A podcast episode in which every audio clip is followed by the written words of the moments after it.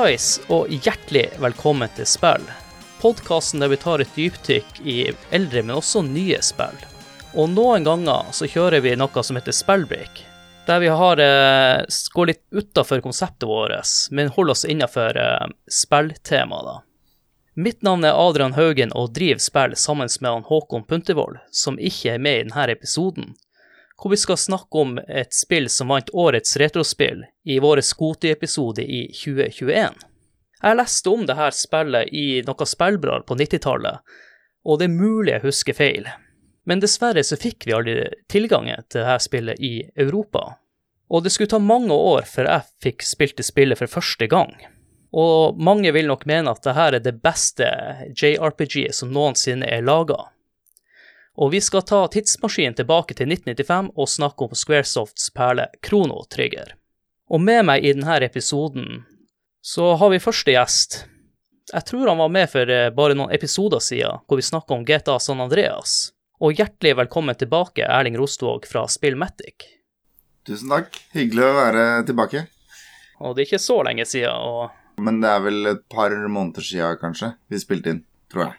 Og det var en hyggelig affære, så det ble jeg gjerne med på en gang til. Men i en helt annen sjanger denne gangen, da. Og min partner, han Håkon Puntervold, han tipsa meg om at eh, hvis du skal lage en Kronotrygger-episode, så må du snakke med han Erling. Ja Øh, Det er jo Kan jo hende jeg har uttalt at øh, det er det mest komplette spillet jeg vet om, kanskje. Eh, og vi kan jo sikkert gå mer i detalj på hvorfor etter hvert, men, men, det er noe med helheten av en si, et tight gameplay, en uh, godt fortalt historie og et soundtrack som aldri er dårlig, eh, som på en måte gjør at det, eh, det er veldig vanskelig å finne noe å trekke Kronotrigger for. Da. Det er et veldig, veldig helhetlig og komplett spill. Og jeg vil jo nok gå inn på det litt senere i episoden, hvorfor det ble så bra som det ble. Men vi er jo ikke her alene, jeg og du, Erling. Og neste gjest ut gjør sin debut her hos oss i spill. Og mange av dere har sikkert sett han tidligere på VGTV, men nå på YouTube. Og dere kjenner han fra Level Up. Hjertelig velkommen til oss, Karl Martin Hogsnes. Tusen takk. Veldig hyggelig å bli invitert. Jeg har også skjønt det sånn at du også er en stor fan av Kronotrigger. Ja da. Det er nok uh, Det er nok også mitt favoritt-retrospill, i likhet med deres. Det er for meg i hvert fall det suverent beste spillet sammen med Earthbound, kanskje, på eh, Super Nintendo. Og opp, jeg oppdaga det litt sånn i forbindelse med eh, Pokémon, tror jeg. Som en sånn gateway drug jeg hadde da jeg gikk på ungdomsskolen.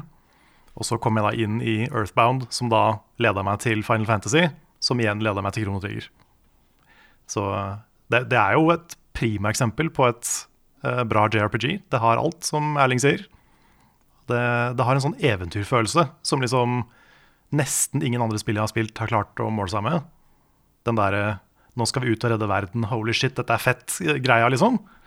Det, det, er mange spill som er litt sånn, men det er ingen som er så mye sånn som det Kronerigger er, føler jeg.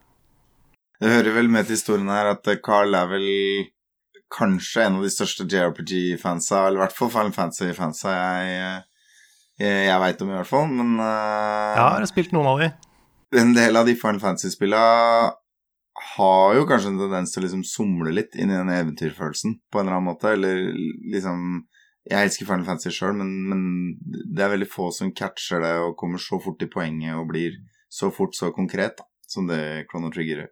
Det, det, er noe med det. Og det, det er så riktig lengde på det òg. Det er veldig mange JRPGs som mm. er litt sånn bloated, litt sånn svære, og så har de altfor mye dialog, altfor mye greier. Og så kommer de aldri liksom til det kule. Men Kronotrigger er liksom bare det kule hele veien. Ja, og Kronotrigger gjør jo deg nysgjerrig. Du vil alltid vite hva som skjer videre. Mm.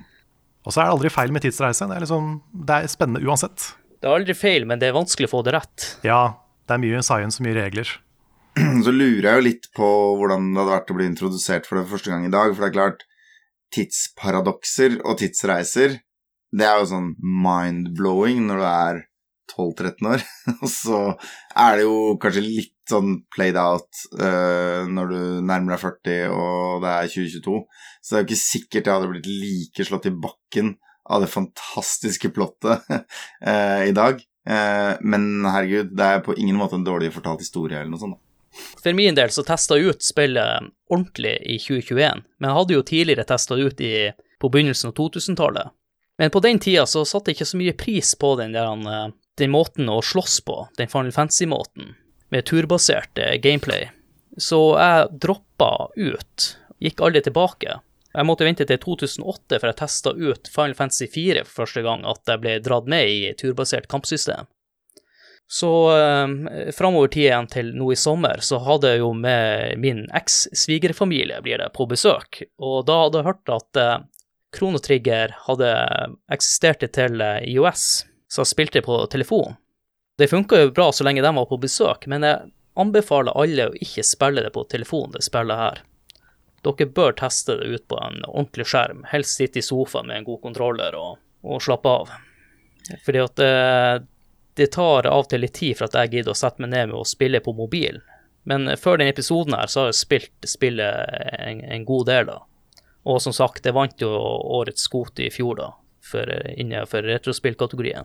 Kan du kanskje si litt om hvordan jeg oppdaga det første gang? For jeg husker første gang jeg så om Chrono Trigger, og det var i Jeg tror vel det var etter at Nintendo-magasinet fantes, så det var kanskje Power Player. Men det var et av de bladene som på en måte var de eneste bladene om, om spill på den tida. Og, og da plutselig var det liksom en sånn firesiders spread med masse screenshots og sånn, og nå kommer dette fantastiske spillet som vi alle har venta på, og jeg bare Har vi? jeg har aldri hørt denne før. det var dette, liksom. Men det, er, men det, er, jo sånn når du er liten og du leser at dette har alle venta på, så tenker du å oh, shit, alle har venta på det, da må jeg også vente på det. Det er jo morsomt du nevner det, Erling, for jeg var usikker på om de minnene der var noe som faktisk fantes, men du bekrefter jo nå at det, jeg har også lest det i Powerplayer en gang i tida. Yes, og jeg Til og med husker Europa, altså. Ja, ja, ja. Eh, Men, men greia med Chrono Trigger-grafikken der og da var at liksom Den er jo Det er en ganske god, detaljert pikselgrafikk, men eh, mye av det ligger jo i gode animasjoner, og stillbildene i Parplayer imponerte ikke meg i det hele tatt. Jeg tenkte sånn So what's the big deal, liksom? Hva er greia? Da hadde vel kanskje også Donkey Kong Country kommet ut. Muligens. Eller i hvert fall det fantes screenshots av det, og det var sånn wow, de laget 3D, og det Ja. var liksom Hele hypen på den tida handla om hvor pent du kunne gjøre ting. Og så kommer Chrono Trigger og ser i hvert fall stillbildene ser liksom ganske sånn ordinære ut, da. Um, så jeg var ikke egentlig slått i bakken. Altså, Super Mario World har en mye finere fade i lua til Mario enn eh, detaljene til klærne til Chrono, som ser litt mer sånn kornete ut. Så, så jeg var liksom ikke helt hypa, men så var en kompis av meg da, som fikk eh, tak i spillet eh, på såkalt amerikansk kassett, som vi kalte det, altså i NTSC-format. Så da var det jo bare å plugge inn adaptere, som man selvfølgelig hadde, eh, og prøve Chrono Trigger. Og han skulle selvfølgelig runde først, og så fikk jeg låne det etter hvert, da. Og det var sånn jeg fikk spille det. Så om jeg spilte det i 95 eller 97, det har jeg på en måte ikke helt koll på, fordi det var veldig sjelden man spilte helt nye spill. Det var liksom nytt. Det var innen tre år etter release, eller noe sånt. Eh, men, men eh, det var på en måte mitt første møte, og da husker jeg jo eh, det som Carl nevner veldig, veldig godt, at det tar ikke så lang tid før du er plutselig inn i en veldig dramatisk historie, hvor det føles veldig eh, Det føles veldig viktig å løse dette, å komme seg ut av det, og løse det som starter som personlige problemer. Og så snubler man på en måte veldig sånn desperat fra hendelse til hendelse inn i det, før det plutselig da verden åpner seg og må reddes. Og det på en måte går fra å være 'hvordan skal vi komme oss ut av denne kinkesituasjonen', til 'hvordan skal vi løse dette for alle andre'. Og det eh, er et eller annet med pacingen i den historien som bare rev meg med fra første sekund. altså. Mm. Ja, det er en sånn fin progresjon fra en sånn personlig stakes-greie med at du skal redde jenta, og så går du videre til at du skal redde verden fra en alien som kommer til å ødelegge planeten. Ja, Vi begynner jo å komme oss litt innom med storyen nå, så jeg tenker at før vi går videre på akkurat det, så skal jeg fortelle dere litt om utviklinga til Krono Trigger.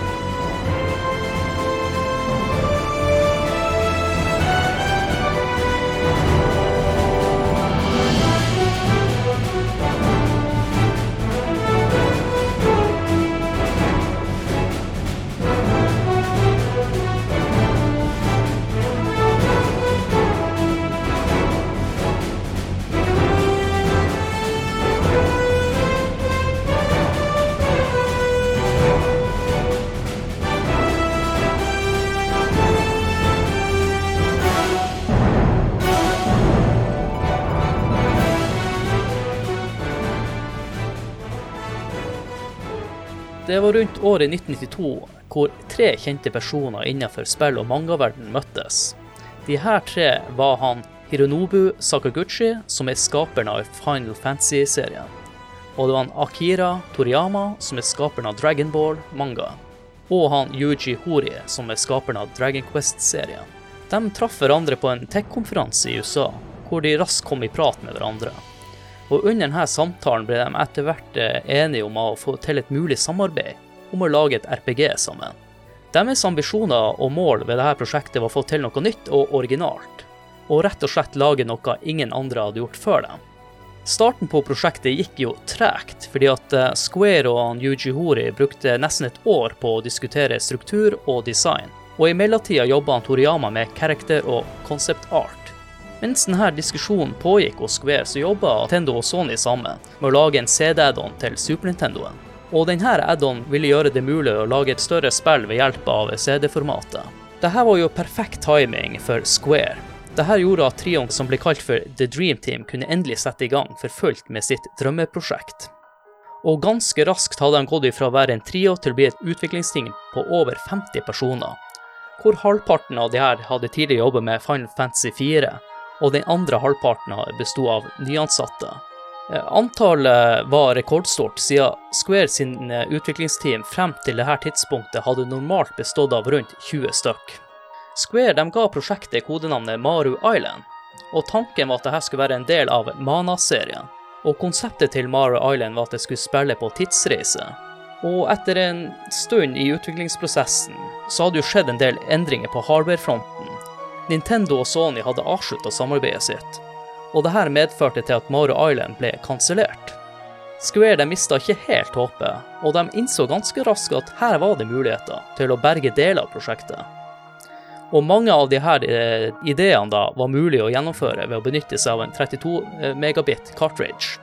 Mario Island var kanskje død, men ut av asken steg en fugl Phoenix kalt Kronotrigger, og spillet hadde fått et nytt liv. Den nevnte trioen i starten jobba med forskjellige ting i prosjektet. Han Sakaguchi han jobb, hadde en rolle som supervisor, men befant seg stort sett ned sammen med guttene på gulvet og hjalp dem med koding, sammen med de andre programmererne. Han Yuji Hori var svært delaktig i prosjektet. Han bidro med å skrive dialoger, og personlig gjennomgikk alle dialoger, sånn at det skulle være en viss standard på det som var lagt inn. Og han bidro også med sketsjer til character design. Og han eh, Toriyama har jo sagt i ettertid at de her sketsjene var egentlig veldig dårlige. Eh, det var mangel på mange detaljer, men de her eh, manglene gjorde at han Toriyama hadde mindre begrensninger og kunne tilføye mye sjøl. Og en som jeg ikke har nevnt tidligere, er spillets director han Masato Kato, som skrev det meste av handlinga. De hadde også fått med seg på laget legenden Nobu Uematsu, som laga musikken til spillet, sammen med lydteknikeren Yasunori Mitsuda, hvor faktisk han Mitsuda bidro med det mesteparten av bidragene. Jeg vil gå nærmere inn på det her litt senere i episoden når vi skal snakke om musikken. Det er også mange andre kjente navn som bidro på Krono Trigger, men jeg har kun valgt å ta med noen få.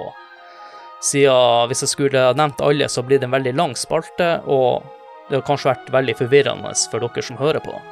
Etter rundt to og et halvt år med utvikling, noe som var et veldig stort prosjekt for Square på denne tida, ble Chrono Trigger endelig utgitt 11.3.1995 i Japan og 11.8.1995 i Nord-Amerika. Og faktisk så var den amerikanske reklamen for Chrono Trigger på japansk ut av alle ting. Og den var oversett på en veldig rar måte i tekstformat. Det hang ikke på greip, det som kom i subtitlesen. Eh, vi i Europa, som jeg nevnte tidligere, fikk aldri dette spillet, fordi det kom aldri ut en PAL-versjon. Men eh, vi fikk jo spille litt seinere, i hjelp av andre eh, utgivelser, som f.eks. på DS. Og da lurer jeg på, er det noe jeg har fortalt dere noe som er nytt for dere, eller er det noe dere har lyst til å kommentere? Uh, ja, det var ganske mye nytt, men jeg syns det er morsomt den uh, greia med han eh, Akira Toriyama fra Dragon Ball, da, fordi det er jo en ganske sånn spesiell tegnestil på coverarten til Clone Trigger som jeg hadde et veldig sterkt forhold til, men som jeg også husker jeg var litt sånn kritisk til, for jeg syns ikke det mm. ligna så mye på Nei, disse folka inne i spillet.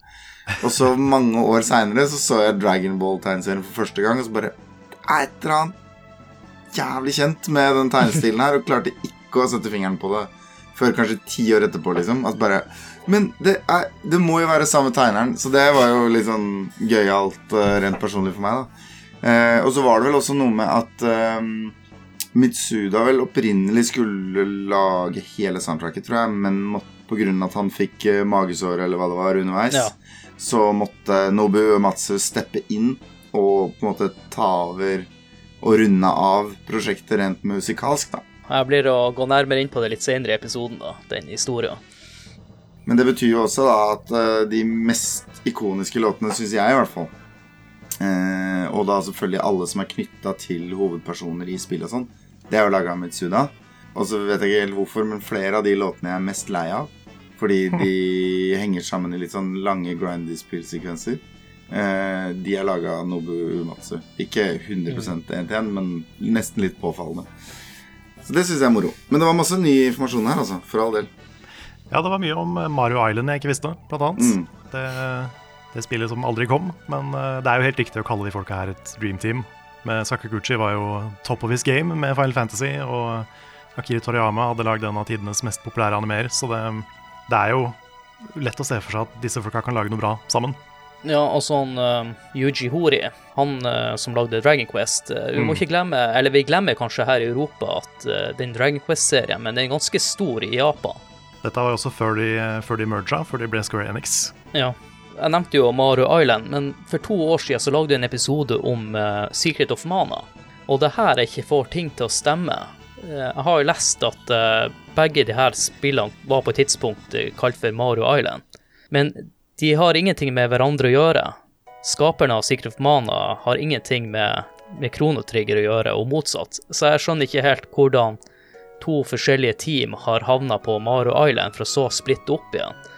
Hmm. Så det er noe der jeg ikke får til å stemme, men jeg har ikke hatt tid til å gjøre et dypdykk i det. Hvorfor? Historien er ganske lik. Hvis vi opprinnelig skulle lage en oppfølger til uh, Secret of Mana, for øvrig også et et jævlig fett spill. Um, og hadde spillstudio, altså Squaresofts, um, tilgang på, på liksom gamle skisser og sånn, så kan det hende at de faktisk snubla over det midlertidige navnet når de gjorde research på det de trodde de lagde oppfølgeren til. da. Ja, det kan hende. Eller så kanskje det bare fins en øy som heter Mario Island, som alle har veldig lyst til å lage et spill om. ja, det kan godt hende. Det som slo meg er jo hvor stort det utviklingsteamet er i forhold til alle andre spill Square lagde på den tida. Og den grafikkstilen som jeg har skjønt, er mellomting mellom Secret of Mana og Final Fantasy 6. Jeg tror også det har blitt fortalt, at de prøvde å finne mellomting til de karakterene. Mm. Jeg vil si det har bedre karakteranimasjon enn det Final Fantasy-spillet hadde på den tida. Det, ja. De kronotrige karakterene var veldig uttrykksfulle. Det husker jeg ble litt overraska over. At du hadde en del av det i Final Fantasy 6 også, men, eh, men det var liksom enda litt bedre og enda mer levende, syns jeg, i, i Krono Mm. Men jeg er litt usikker på om Final Fantasy 6 kjørte kjørt på en like stor kassett som uh, Krono Trigger. For uh, sizen på cartridgen til Krono Trigger er jo en god del større enn det var på mm. den tida. Jeg lurer på om de normale kassettene var på 8 megabit, mens den var på 32. Hm. Det er jo litt morsomt, fordi på sitt mest intrikate så har jo egentlig Final Fantasy 6 mer detaljerte og mer forseggjort pixel art. Mm. Men det er på en måte forbeholdt noen bakgrunner, og eh, når du er i kamp, så zoomer du inn på mer detaljerte versjoner av karakterene, ikke sant? Mm. Eh, mens eh, Chrono Trigger søker jo å gjøre som eh, Secret of Mana i at det på en måte er kun én versjon av personene du spiller, som er lik hele tida. Enten du er i en bossfight, eller du er ute og går i verden. da. Sånn at det er nok en litt sånn plassutfordring, tenker jeg, delvis. da, At da må de lande på en litt mindre detaljert greie. Men de har allikevel lykkes med å på en måte lage animasjoner og design som er eh, mer eh, hva skal jeg si, kompakte, litt mer tegne- eller Disney-aktige, egentlig, enn den litt sånn rufsete eh, Secret of Mana-stilen. Så jeg syns jo egentlig de har truffet en sånn ganske perfekt middelvei her. Mm. Føles litt sånn visuelt helhetlig, på en måte. Ja. Så det ene stedet du ser de har spart plass, det er jo når du går på verdenskartet. Ja. Der har de ikke brukt mye tid på animasjonene, men overalt ellers så er det liksom top of the line, da. Mm. Jeg syns jo artstilen er jo noe ut av det som gjør spillet ganske bra. Mm. Nå er jo en stund siden jeg spilte Final Fantasy 6, men uh, jeg må kanskje si at jeg synes de har fått uh, til flere animasjoner her enn i Final Fantasy 6. Kan godt hende jeg skyter meg sjøl i foten, men det er sikkert ti år siden jeg spilte Final Fantasy 6 sist. Nei, men jeg tror karakteranimasjoner så er det riktig. Fordi eh, du må animere de så mye mer når du ikke skifter mellom battle screens og, sånn. Så har du liksom masse forskjellige action poses, du har masse forskjellige eh, sånn følelses-poses, da. Mm. Mm. Så da må, du, da må du liksom steppe opp det en del. Det krever mer av grunndesignet. At de både skal kunne juble over at de har slått en fiende, stå klar med sverdet og virke sjokkert over noe de får meddelt i en samtale med det samme grunnmodellen. Mm. Uh, og det gjør at de ikke kan ta noen snarveier som kanskje Final Fantasy 6 tok. Jeg er enig med deg i at det er på karakterdesignet så er Final Fantasy 6 eh, vesentlig enklere da, i design. Før vi går videre, så tenker jeg at vi kan jo snakke litt om uh, plottet da, til spillet. Hva som legger premissene for denne fantastiske reisen. Kronotrigger det starter i det som er satt som nåtid, som er 1000 AD. Hvor vi følger karakteren Krono, som er på vei til en festival i landsbyen. Og under festivalen her så kolliderer han med ei jente som heter Merle. Og de begynner å snakke sammen, og de finner ut at de skal eh, gå sammen opp og se på Kronos eh, venn, da, hun Luka og hennes far demonstrerer sin nye oppfinnelse, en slags teleporteringsmaskin. De spør etter en frivillig som har lyst til å teste ut denne nye oppfinnelsen deres, og hun Merle hun melder seg frivillig kanskje litt for kjapt. Og det neste som skjer, er at ting går ikke helt som planlagt fordi at Møhl har på seg medaljong som gjør eh, at denne teleporteringsmaskinen ikke opererer som normalt, og skaper en portal hvor hun og Merle forsvinner inni da. Krono og Luka de prøver å finne ut hva er det som har skjedd der. Og hun, Luka klarer faktisk å få fram denne eh, portalen igjen. Og de bestemmer seg for å hoppe inn i portalen for å finne ut hvor det har blitt av Merle. Og etter hvert så oppdager de at de har kommet til en verden som er lik deres egen, men de oppdager også at det er noen forskjeller, og de finner ut at de har reist 400 år tilbake i tid, men de må jo fortsatt finne ut hvor er hun Merle. Og her starter det egentlig. Altså, Andre gangen man spiller Chrono Trigger, så er jo kanskje det eneste stedet i spillet hvor man, jeg syns pacingen går jævlig tregt, er den åpningssekvensen hvor du går inn på dette tivoliet for å liksom sjekke ut alle bodene og satse penger på veddeløp og alt det der. Men det fungerer jo som ganske sånn bra sånn tutorial-sted, da. Hvor du til og med får teste deg på kamp mot fin, altså uten stakes, altså uten at det er farlig og sånn. Veldig kul ting med, eh, med hele sekvensen er at eh, Marl reagerer på alt du sier.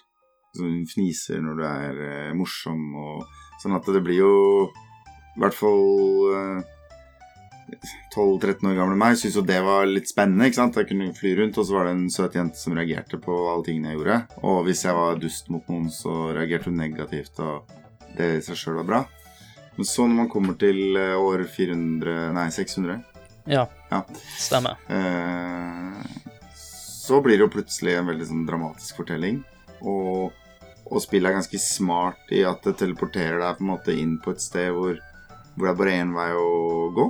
Så du kommer liksom ganske raskt til uh, Kongens slott. Da. Jeg vet ikke om jeg er enig, enig i at det er, uh, at det er slow-paced i starten på New Game Plus, fordi du får vite noe. Uh, det er litt seinere, nå. Um, som du ikke vet første gang du spiller, men du vet det andre gang. Som gjør at jeg ble veldig sånn Shit, nå skal jeg gjøre ting veldig veldig riktig i festivalen på starten. Fordi det skjer jo noe annet seinere, som vi sikkert kommer tilbake til. Men, men det får jo konsekvenser, mye av det du gjør i starten med Marl. Ja, ja, ja det, jeg må nesten rette meg sjøl litt, da. For det andre gangen jeg spiller det, så er det kanskje ikke så irriterende, men sjette og sjuende og åttende gang så er du keen på å komme gjennom eh, eh, tutorial-sekvensen så fort som mulig, da. Ja, ja det er sant. Ja. Men, men det som skjer, er jo at man kommer til Kongens slott, og så kommer det masse vakter og sier Oi, hva gjør dere her? Og så kommer eh, dronningen, eh, som jo er Marl. Og sier eh, 'knel for meg og hold kjeft og slipp inn disse folka'. De er mine venner. Og så går du opp på rommet hennes for å snakke med henne hva alle dager er som har skjedd. Og så forklarer hun at eh, jeg vet ikke hva som har skjedd, men alle kaller meg for Queen Lean, og, og det ser ut til å funke, men hvordan skal vi komme oss hjem igjen? Og så plutselig forsvinner Marl. Fordufter vel rett og slett i løse lufta. Og da er jo spørsmålet hva forårsaker dette, og hvordan løser vi det? Eh, og det første som skjer, blir jo selvfølgelig at du blir jo beskyldt for å ha kidnappet dronningen. For du var jo sistemann som ble sett i rommet med henne. Mm. Så er man allerede der så er man i gang med den derre At du basically blir jaga fra sted til sted, da, eller det skjer noe akutt hele tiden. Så du må bare rushe videre og finne ut av det. Og så får du ikke minst en uh, veldig enkel innføring i The Butterfly Effect. Med at eh, når Marl forsvinner, så er det fordi dronninga aldri ble redda. Og derfor så ble hun aldri født. Og det var sånn sånn her Oh my god, shit, dette er, dette er kult for meg da jeg var fjortis. Um, Yes. Så uh, det er jo sånt du ser i åtte av ti populære TV-serier om dagen, men sånn Da var det ganske stort, da, for meg. Det var mind-blowing. Eh, det var det. Men det var jo det er selvfølgelig derfor hun er lik dronningen, fordi dronningen er liksom tipp-tipp-tipp-oldemora hennes eller noe sånt noe. Ja, og Da kommer også revealen om at Marl er prinsessa. Ja. Og hun er da prinsesse i det virkelige Eller i, den, i nåtiden, men har da sneket seg inkognito inn på festivalen for å oppleve tivoli som en vanlig dødelig.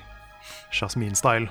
Du nevnte jo, Erling, at du ikke var så fan av Tivoli-scenen. Jeg skal være såpass ærlig at den første gangen jeg prøvde meg på Krono-trigger, så stoppa eh, min spilling allerede her.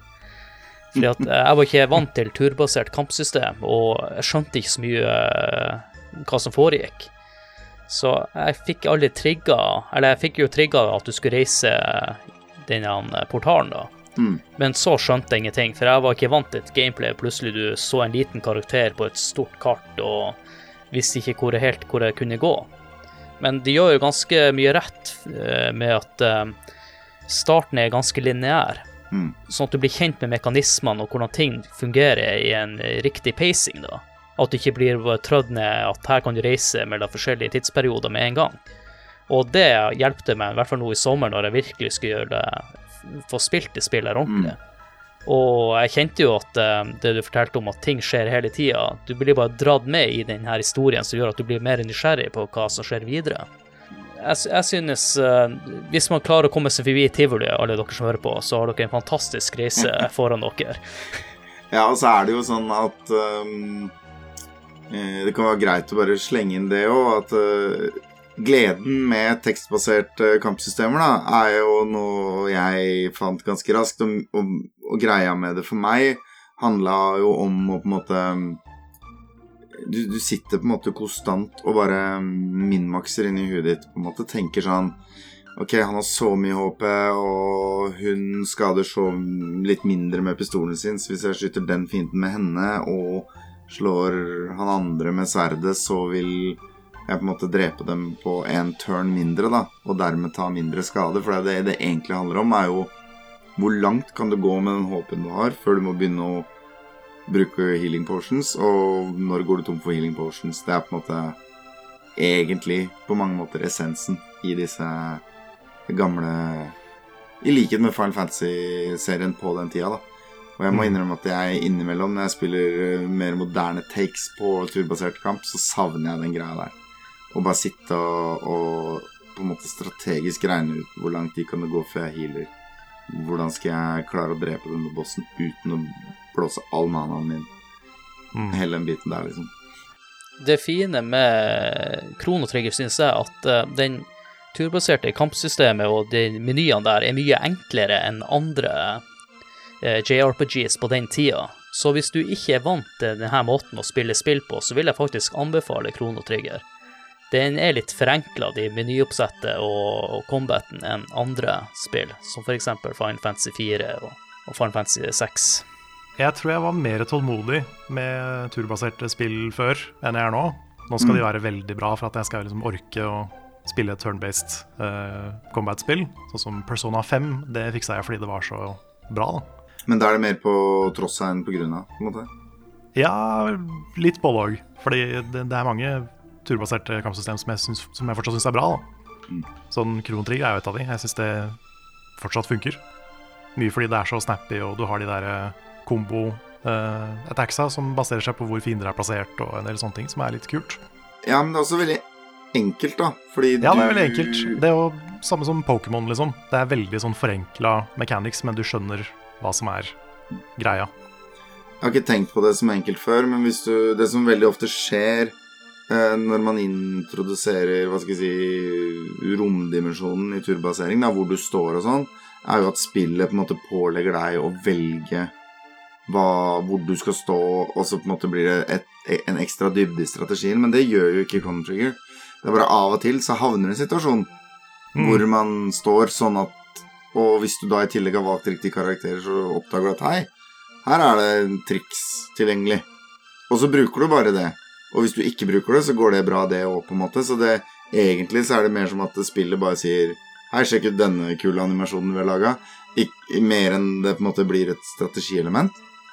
Eh, og den andre tingen de egentlig basically har fjerna, er jo at alt utover Nesten alt utover valget av eh, Altså ta på deg den feteste rustningen og det hardeste sverdet, er liksom fjerna. Det eneste lille sånn ekstra level up-elementet inni menyen der, som jeg husker i farta i hvert fall, er disse her eh, tabsene. Altså en, en, du finner små items som gir deg én mer base stat i f.eks. power eller magic. Og det Ja. kan du velge å putte på en av folka dine som en consumable, og så er den brukt opp. Men det er en veldig enkel Veldig, veldig enkel form for leveling, da. I tillegg Mm. til den vanlige level-upen, som går helt av seg selv. Og derfor så er det godt poeng det du sier, Adrian. At uh, du trenger ikke være liksom sjakkmester for å bare mestre kampsystemet til Chrono Trigger. Og så er det tall som går oppover, og det er alltid gøy. Ja. Vi er såpass enkle, vi Ja, vi er mennesker, at eh, så lenge tallene går opp, så er vi fornøyd. Ja, ja. Eh, Du nevnte jo, Erling, i stad at eh, kampsystemet er jo også sånn at du går ikke inn i en fighting-sekvens, men du forblir i, i samme skjerm da som du ellers spiller eller styrer karakterene i. Det kampsystemet her var noe de slet veldig med å få til å fungere. Og de valgte jo også å ha det her kampsystemet fordi at de ville ha litt mer dynamikk, som han, han Carl var inne på her. At eh, eh, fiendene beveger seg på kartet, i stedet for i Final Fantasy der, der du ser bare at fienden står i ro. Det var også fordi at uh, det skal tvinge spilleren til å må tenke litt om hvem er det egentlig jeg skal angripe av de fiendene her, og ikke alltid bare angripe først den som er sterkest. Fordi at uh, det er jo noen fiender som kan også bli brukt som kasteobjekt. Du har noen sånne vulkaner. Hvis du har en stor fiende, så kan han plukke opp den vulkanen og kaste på det, så gjør sinnssykt mye skade. Så av og til så må du tenke at kanskje du må ta, ta ut den lille her. Og jeg tror også sånn at hvis noen fiender er nærmere den ene karakteren din, så må du så tar du mer skade eller noe sånt. En annen ting er jo at når du ser Altså, det som er vanlig Det varierer litt fra spill til spill, men i veldig mange Final Fantasy-spillene så har du bare sånn fullstendig random encounters. At du Det virker som om hver gang du går over en firkant på kartet, så ruller du en terning, og så kanskje havner du i kamp. Og du kan også være litt uheldig med I hvert fall i de tidligere spillene som er litt dårligere balanserte, kan du være uheldig med fienden du får, og hvis du møter feil fiende mange ganger, så blir det veldig sånn hjerte i halsen på om du i det hele tatt kommer deg i mål og sånn. Mens i Chrono Trigger så ser du jo fiendene før du engager dem, så du kan jo velge liksom I noen tilfeller kan du velge å gå rundt. Noen ganger så er det ikke mulig å komme gjennom uten å, å slåss. Men det betyr også at spillet ikke straffer deg for å sjekke om det er en kiste i den blindgata til venstre istedenfor Selv om du vet du skal til høyre. Mm. Fordi du risikerer veldig, veldig sjelden da, å få en eller annen ekstra kamp av det. Og de få gangene det er det, så er det gjerne fordi du sjekker innholdet i en krukke, og så er innholdet en fiende. Da er det liksom en morsom felle du har gått i. Men det er ikke bare sånn at eh, Det føles ikke som om spillet straffer deg for å bruke ekstra tid på å utforske verdenen, og det tror jeg er en av grunnene til at jeg veldig, veldig foretrekker den greia hvor du faktisk ser fienden før du er i kamp med han. Agreed. En annen styrke jeg synes Krono Trigger har, er at eh, mange Final Fantasy-spill legger opp til mye grinding. Men her har du en eh, normal progresjon. Du slåss, du får eh, leveling, og du føler deg aldri underlevel hvis du bare slåss de kampene du trenger å slåss. Og det syns jeg er en god styrke til spillet her, for jeg har spilt noen Final Fantasy-spill der jeg har satt av eh, fem timer bare for jeg må levele opp fordi at jeg har ikke slåss nok fra før av. Og det jeg er veldig glad for du slipper her i Krontrigger, så du mister aldri helt pacinga på, på handlinga da. Det syns jeg er en svakhet i mange spill der du må levele opp, Mm. at du Mm. driver på å levele så lenge at du glemmer av egentlig hva er det storyen vil, eh, eller hva som skjer egentlig i spillet. Det er sant. Det er veldig mange eh, JRPGs tidlig på NES og SNES og sånn som gikk i den fella. Som, eh, Hvor det var altfor mye grinding. Eh, jeg føler at de vokste det litt fra seg rundt Final Fantasy 6. Da var det ikke fullt så mye lenger. Og derfra oppover så har de vært litt snillere på det. Mm. Final Fantasy 6 er jo også et spill som i veldig liten grad i starten av spillet lar deg velge hvor du går. Og, det, sant? og da må du jo lage en lineær opplevelse også i levelinga. Da nytter det ikke å liksom kreve at du skal loffe rundt hele tiden hvis du bare blir kasta inn i neste område. Og det er jo, så det er jo en slags nødvendighet av historien de ønsker å fortelle, da, tenker jeg.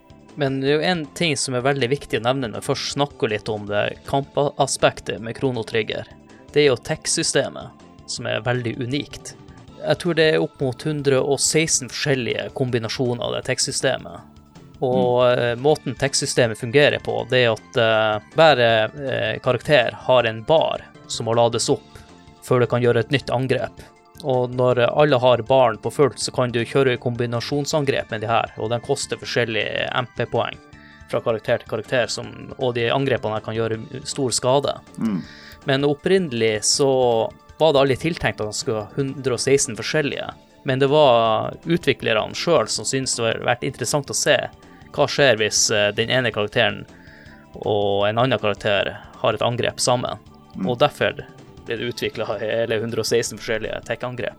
Det er jo en litt sånn edge for kampsystemet da, som det, som det spillet trenger. Fordi hvis ikke hadde vært veldig anonymt, kanskje. Det, Ja, det kunne blitt dens form i. mm, Det er jo det som, eh, i hvert fall for meg, skiller ut eh, Chrono Trigger fra, som vi har nevnt, sammenligna veldig mye med Final Fantasy-spillene. Du bruker det ikke så mye i starten, ikke sant? Uh, du har ikke så mange triks tilgjengelig i starten. Men så oppdager du plutselig at det er ganske nyttig i bossfights, eller hvis du Eh, Ja, Det henger litt sammen med det du sier at du aldri føler deg underlevela, da. For du, du går gjerne og bare slår på fiendene til de er borte, i en strategisk fornuftig rekkefølge, og er smart med healing og, og save points, liksom. Men så plutselig har du kanskje en liten periode med litt sterke fiender, og måten du løser det på da, er jo på en måte å unleashe tech-systemet. Og så etter hvert så blir man, i hvert fall sånn var det for meg første gang jeg spilte, så blir du litt mer oppmerksom på at det er elemental damage inni der, og at eh, kanskje det å bruke et uh, ildangrep på en isfiende er en god idé, eller liksom et eller annet sånn type greier, da. Og så hjelper det deg veldig sånn i siste tredjedelen av spillet. Så begynner på en måte de tinga å bli litt sånn eh, nødvendige for å skade bossene nok til å ta Mm. rotta på dem, rett og slett. Så da begynner du å eksperimentere med forskjellige kombinasjoner av tech-angrep for å finne ut hva er det som, som skader folka mest, da. Vi, vi har jo snakka litt om eh, plott i stad, og vi nevnte noen navn. Jeg tenker jeg skal eh, snakke litt om de forskjellige karakterene.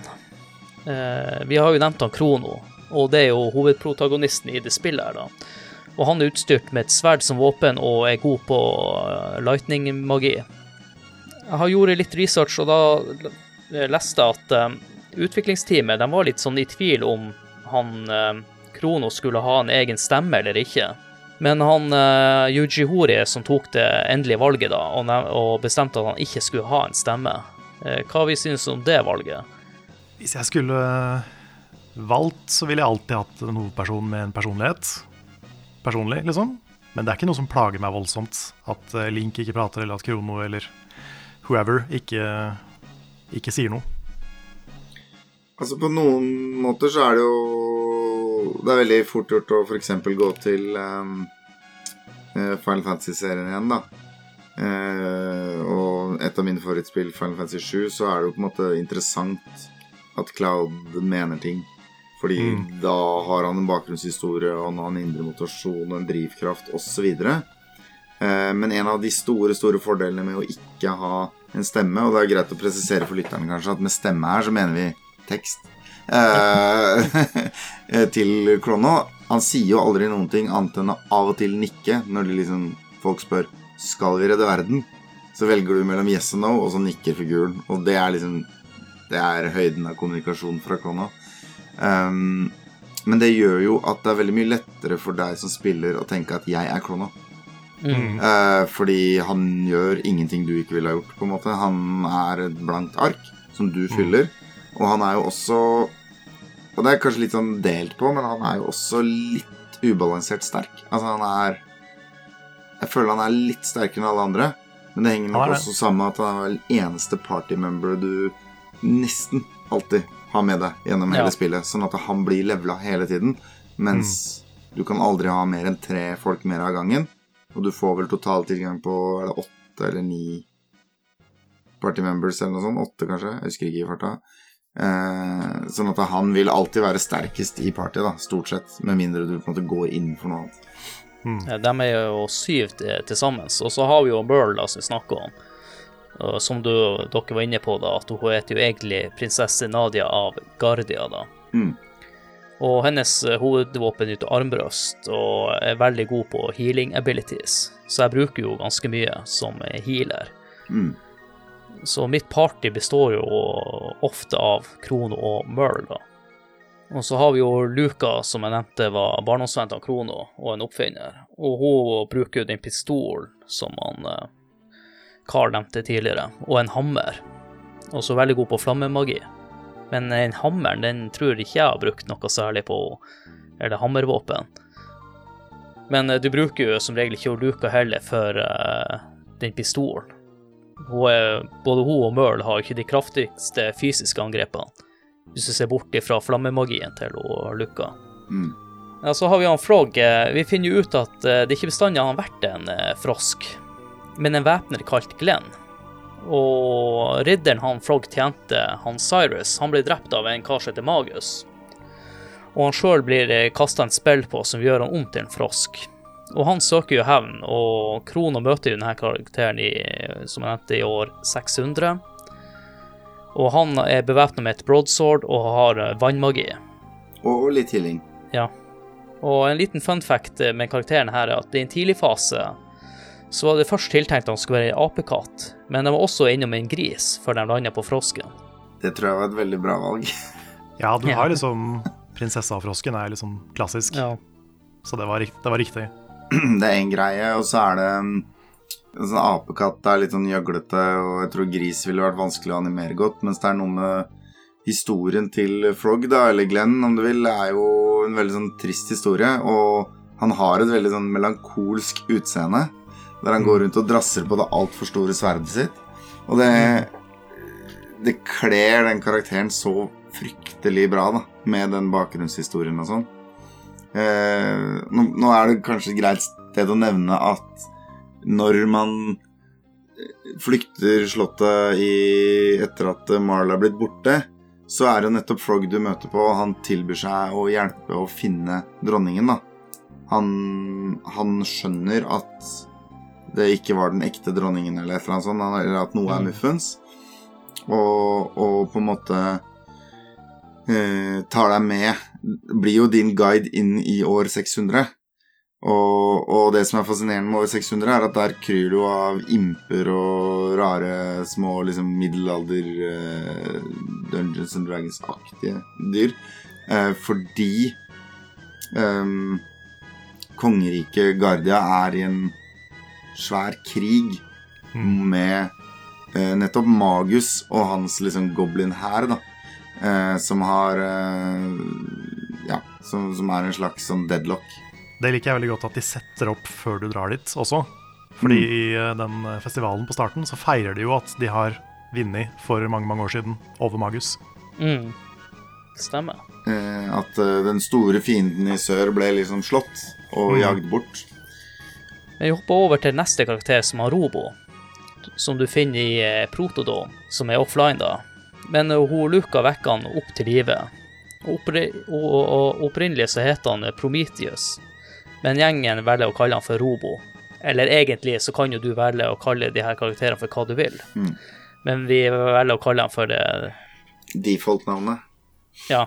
Som sagt, du finner han i året 2300 AD, og han sliter litt, han sliter med å finne ut hvem han egentlig er. Og det her er jo noe han går og tenker på ganske mye under spillet, om han skal tjene menneskeheten, eller om hans oppgave er den stikk motsatte, da. Og han bruker sine mekaniske armer og skyter noe laser som angrep, da. Og så er han også god på mange forskjellige typer magi. Og kanskje den mest anvendelige karakteren i spillet. Han blir altså veldig, veldig sterk hvis du på en måte uh, bruker den mye. Eh, men Robo er jo egentlig også en sånn godt eksempel på en, en karakter som inn, i- innfører noe sånn eh, som er mind-blowing for en 13-åring. Nemlig liksom spørsmål hvem er jeg, og hva er fri vilje, og Ja. har jeg verdi? Ja. Til tross for at jeg bare er én av tusen helt like roboter som Ikke sant? Eh, Er jeg et individ? ja, hele den greia der er jo han på en måte veslet inn i. Ja. Og så er det jo greit å nevne at verdenen han bor i, er jo rimelig dyster, da. Når du kommer til år 2300, så er jo på en måte verdenskartet lagt helt øde. Det blåser og er snø, basically nuclear vinter, ser det Ja, ut som, overalt. Eh, Det eneste tegnet på sivilisasjon er at sånne dome-byer, bare at Mm. de er knust alle sammen. Og de få menneskene du finner, er på en måte basically uteliggere i ruinene av sine egne byer, hvor de Mm. desperat leter etter mat. Og alt er bare helt jævlig. Um, og det er nå vi på en måte etter hvert uh, kommer til uh, Hva skal jeg si verdenseventet. For da er jo spørsmålet hvordan i alle dager ble verden så forferdelig? Og det finnes det et svar på. Det gjør det. Og neste ut er jo Ayla, som er en slags kvinnelig høvding, og du må reise ganske langt tilbake i tid for å møte henne.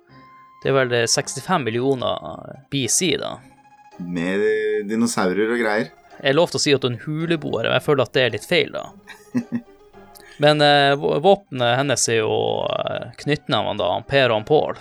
Og så eh, kanskje Krono trigger svar på Tifa, eller går det litt for langt der? Fordi hun bruker nevene. Ja, det bruker nevene, og så er det ei med kanskje litt for lite klær på seg, vil kanskje noen mene. Ja, hun er kanskje liksom Kronotrigger sin uh, quote unquote babe. Jeg vet ikke. Huleboer-babe. Og hun er jo vel den eneste som er litt eldre enn og bare De fleste er jo tenåringer i det spillet her, men hun er vel litt eldre. Jeg tror hun er sånn i 20-åra. Så også den eneste som er lovlig. Hvis det er lov til å si. ja. Ja, nei, jeg- må innrømme at eh, Fordi greia er at de har jo skrevet henne sånn at hun snakker jo i sånne der eh, dustestokka setninger. Sånn me hungry, me go find food og sånn. Sånn at uh, Det var ting vi glemte å si om Frog. For han er jo, det er jo bare på den engelske versjonen, på SNES-versjonen. Så, så har de jo oversatt han og gitt han sånne, sånne veldig sånn ekstrem gammelengelsk uh, måte å prate på. Ja. Uh, men det var visstnok ikke en del av originalen i, på japansk. Oh, ja. Det er noe de bare gjorde på, i oversettelsen. Det er mulig det er det samme med Ayla, det vet jeg ikke. Ja, jeg har hørt i hvert fall at han som lagde den første oversettelsen til Krono Chrono Trigger, at uh, han har gjort en litt sånn slett jobb, for den gammelengelsken er dårlig, og de andre i samme i, i år 600 de prater ikke samme, på samme måten som han Frog. Nei. Så, så du mister litt den helheten i det der. Mm. Og jeg mener i DS-versjonen så har de fjerna det, at han prater på den måten. Oh, ja. ja. For jeg har alltid bare tolka det som at han var veldig opptatt av det å være ekte ridder og sånn. Altså Bakgrunnshistorien til Frog eh, er jo at han er eh, væpneren til den liksom største ridderhelten i, i landet. Og ønsker mer enn noe annet å bli like stor og kul da, som han eh, fyren han er væpneren til. Så jeg har alltid tolka det som at Frog på en måte eh, gjør seg til litt. Da. Hmm. I, I et forsøk på å nå sin sitt i, ideal, da, på en eller annen måte. At det idealet er en veldig sånn høvisk greie. Men det er mulig Men det er jo da åpenbart ikke meningen i det hele tatt fra forfatternes side. Den siste karakteren kom egentlig som en overraskelse på meg, fordi at um, i gjennomspillinga jeg gjør nå, så har jeg ikke kommet så langt ennå. Og det er han Magus. Ja, Mm. dere hørte riktig. Han som fucker til fra han Frog, kan bli med i gjengen til han Krono. Han er en optional character. Altså, det er mulig å gjennomføre spillet uten å få han på laget. Og det er et litt sånn filosofisk spørsmål, fordi eh, hvis du For du får valget da, om du vil om du vil slåss mot den, eller om du vil uh, tilgi den, på en måte. På et Ja. eh, punkt i historien. Og hvis du velger å slåss med den, så vil du få en slutt seinere hvor uh, Frog blir til, blir til Glenn igjen og får mm. tilbake menneskeheten sin. Mens hvis du ikke slåss og får Magus på laget, så får du liksom den største edgelorden, uh, som er dritkult når du er fjortis, uh, på laget, men Frog fortsetter å være Frog. Og du får den kraftigste magikeren, ikke minst. Ikke minst. Så du blir belønna ganske heftig for å ta kanskje det moralsk dårligste valget. Ja, kanskje. Men han er jo litt kul karakter, da, siden han får rundt med en ljå. Han er jo edgy to the max. Og det, Ja. det er Ser ut som han er blek som en vampyr, har håret gredd bakover og bruker ljå som våpen. Mm. Det er jo veldig, veldig kult når man er eh, tenåring. Oh yes. Men synes dere at de har fått til en bra variasjon på de karakterene her? Jeg liker de kjempegodt. Og det, det er nok de jeg husker best sånn når det kommer til historien i spillet. Det er også derfor jeg tenker at kanskje det hadde vært kult om Krono også hadde en personlighet. Fordi Mm. karakterene ellers er så bra. Så det er jo på en måte historiene deres og de personlige liksom, story-arkene deres som jeg husker best. da. Mm. Så det er nok en av favorittingene mine med hele spillet. Jeg, jeg husker jeg syns Jeg syns Ayla var litt irriterende, og det gjorde at jeg ikke spilte så mye med henne. Hun er jo en utrolig sterk fighter, eh, kan være, men er litt endimensjonal. Og jeg syns, eh, syns det var utrolig mye sånn eh, tøysete dialog hvor hun er liksom comic relief og sånn, som irriterte meg. Som gjorde at jeg på en måte fikk litt avsmak for den karakteren. Hun er sikkert egentlig godt skrevet, og det er bare et resultat av at 13 år gamle meg var litt utålmodig eller sånn, men Det er ikke sikkert at hun er godt skrevet, for det her er jo på 90-tallet. Lenge før metoo og de tingene. Det er, lenge, det er såpass lenge siden jeg har spilt Chrono Trigger at jeg ikke vet om de har noen sånne åpenbare At de virkelig driter seg ut på noen ting. Liksom. Hun driver jo og flørter veldig med Chrono Trigger litt, men er mest imponert over hvor sterk han er. Fordi i, i Huleboerland så er eh, det å være sterkest er det eneste viktige. Eh, Men Kronos reaksjon på det er jo bare sjokk. Av at noen er så frampå. Jeg tror hun kysser ham på kinnet et eller annet sted. Jeg tror egentlig ikke det er noe mer eh, metoo-ete eller noe Ja. Jeg tror egentlig de bare ikke toucha den ballen, på en måte. Mm. Hvem som er deres favorittkarakter? For meg er det Frog. Ja, det er nok Frog. Og det er også fordi han kanskje har den feteste låta. Altså Yes. Eh, Temaet i Clone Trigger er jo skrevet sånn at alle har hver sin sang, på en måte. Så når det er deres story, eller de som tar valget, eller de som har det vanskelig, eller liksom et eller annet har et vendepunkt, så er det deres musikk som spiller. Og det gjør jo at alle scenene med Froggy blir litt det blir litt ekstra trøkk i dem, da, fordi den uh, låta er så utrolig fet. Vet du hva? Jeg tror vi spiller av den uh, låta til han Frog nå, og hører litt på den.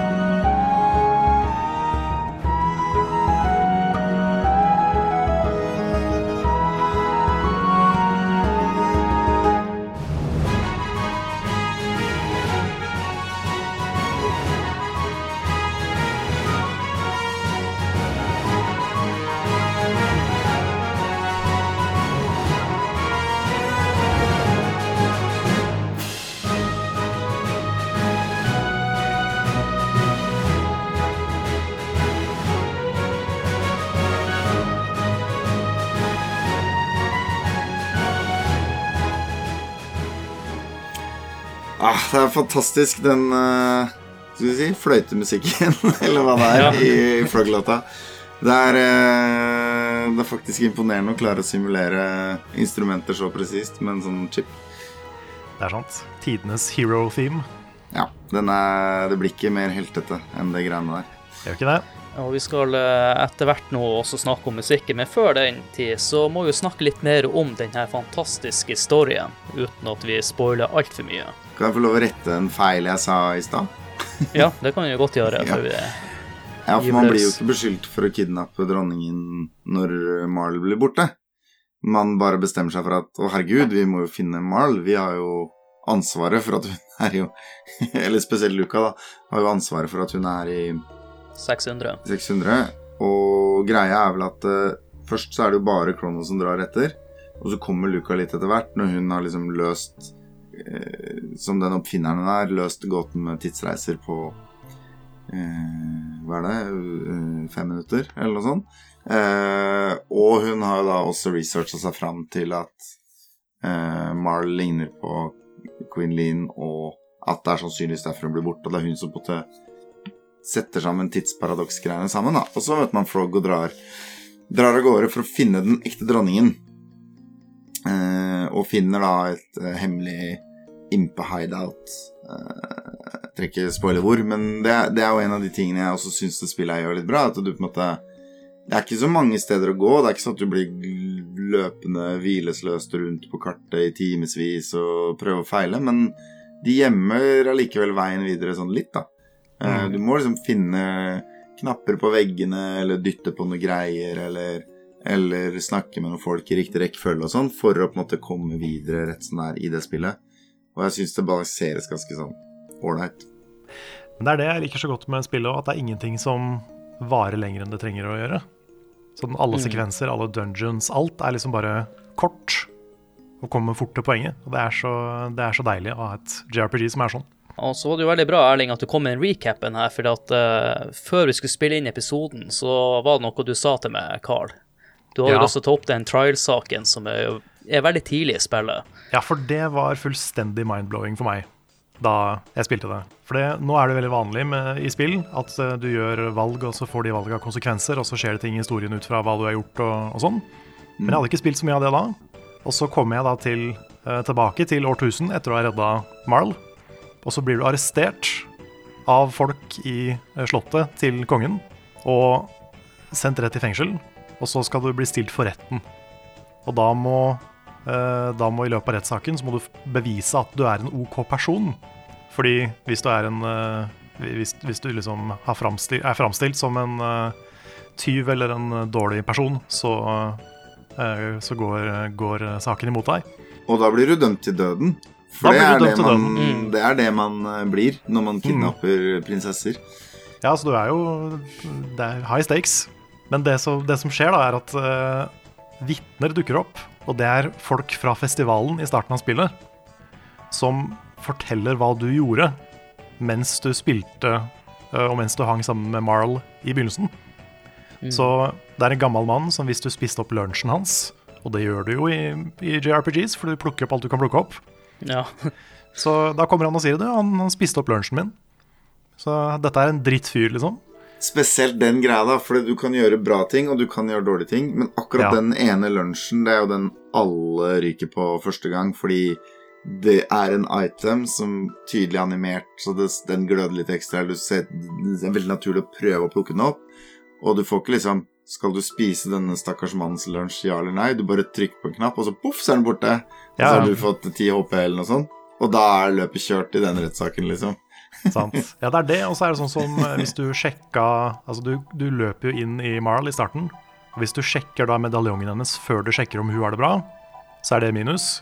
Og hvis du eh, ikke er tålmodig når du kjøper godis, tror jeg, så er det en minus. Det er massevis av sånne ting. Ja. Og hvis du er, hjelper en liten jente å finne igjen katten sin, så er det et pluss, Det er pluss. for eksempel. Og det Jeg forventa ikke at de tingene der skulle komme tilbake, da, men så gjør de det. Helt Mm. uten noen form for advarsel. Og det var en så utrolig kul greie for meg. For det sementerte på en måte ganske tidlig i spillet at her kommer vi til å kødde litt med valg og konsekvenser og sånn. Det er ikke så mye av det i hovedspillet, egentlig. Men, men du har jo noen sånne sidequests hvor du kan gjøre noe i en tidsalder, og så skjer det noe i en annen. Mm. Ja, det tar jo veldig bra inn med storytellinga òg. Fordi selv om det ikke er så mye valgene du tar, kanskje, så er det veldig mye av tingene du gjør, som får konsekvenser seinere. Uh, for eksempel så virker jo, uten å spoile altfor mye, så virker jo han um, Han uh, Hva skal jeg si Aktor i den rettssaken. Han virker jo litt sånn overdrevent interessert i å dømme deg. Mm. Det må det vel være lov å si. Eh, og det er fordi han har personlig motivasjon basert på noe du gjorde mot eh, forgjengerne hans i år 600 nå nettopp. Ikke sant? Mm. Så det er liksom eh, eh, Det er stadig Stadig måter de forskjellige tidsepokene bindes sammen da, med en rød tråd, som jeg syns er utrolig smart skrevet. Og det, det den rettssaken kanskje egentlig gjør, er jo på en måte for liksom en gang for alle, da, når du har kombinasjonen av at Marl nettopp har blitt borte fordi oldemora eller hva det er, aldri blir redda. Du har en rettssak hvor alle valgene du tok, fikk masse konsekvenser. Og en fyr som er sint på deg fordi noe du gjorde i over 600. Da totaliteten der, da, da det hamrer liksom inn i deg som spiller at her henger alt sammen med alt. Her og nå. Og da det hjelper deg å tenke på disse tingene og og legge merke til det når historien forteller det på en god måte. Mm. Og så kommer den apokalypse-gut-punchen etterpå igjen. Og liksom bare OK, nå har det gått skikkelig gærent. Kan vi Mm. fikse det? Liksom. Ja, og det er jo, du har ikke tenkt over før, men det er jo kjempesmart storytelling. Du har akkurat fortalt deg at alt du gjør, har konsekvenser. Ja, Og så, når du da etter hvert flykter fra fengselet for ikke å bli henrettet, så havner du Da tar du Hail Mary inn i en ukjent portal og havner langt inn i apokalypsen. Og det er så forferdelig at du tenker Dette kan man jo ikke la stå, men du har akkurat lært at det er mulig å gjøre om på ting Mm. ved å gjøre om på ting tidligere eller eh, tilbake i tid. Og jeg må jo bare nevne det som jeg syns er genialt med dette spillet i forhold til andre eh, RPG jeg spilte før i tida, er jo at eh, de NPC-ene har noe for seg. Du har Ja. en plass der du kan si, eller hun spør eh, skal jeg plante et tre eller ikke, skal jeg brenne det eller skal jeg la det vokse.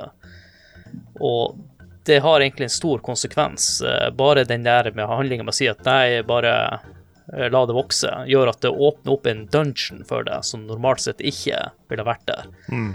Det, det er bare en helt tilfeldig person. Tenker ikke noe over den NPC-en heller. Så det gir litt mer verdi til eh, hver NPC, og det er også viktig å få med seg hva de sier. For de kan også gi deg hint og sånne ting, men mange andre RPG-er på den tida, de bare sa i ei random setting bare for å ha ei setning. Og så liker jeg måten de gjør sidequests på i det spillet her, fordi de har veldig mye mer story i seg.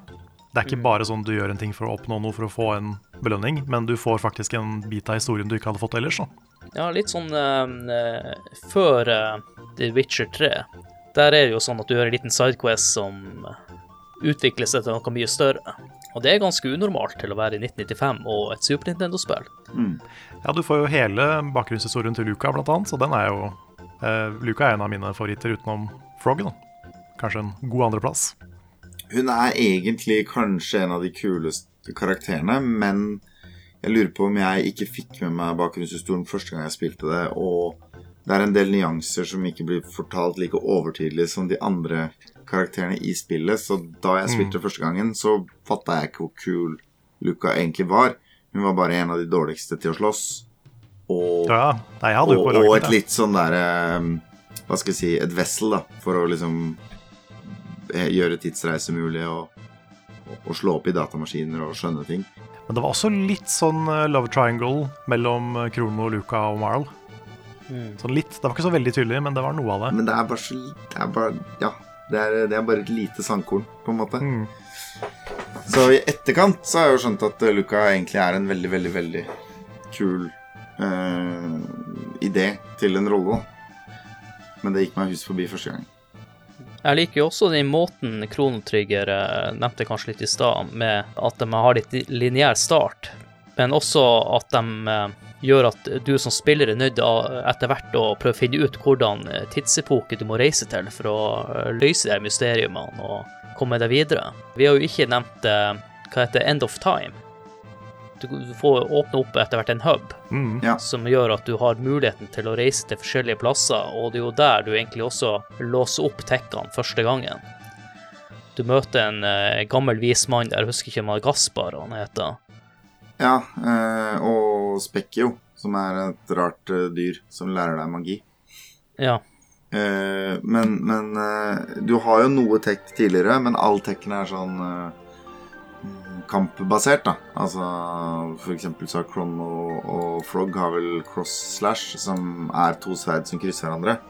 Men det du får tilgang på nå, er elementene. Altså ild, Mm. is og lyn og vann.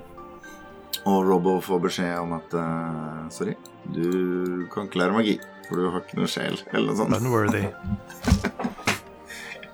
Men jeg, jeg liker bare den stemninga, det End of Time. Musikken og Ja. den gatelykta som bare står der. Det er litt sånn mystisk over hele den plassen. Og når du har eh, blitt kjent med den plassen, eh, så har du jo muligheten til å reise til forskjellige plasser. Men det som er greit der, er jo han Gaspar som tipser deg om hva du bør gjøre videre. I forhold til f.eks.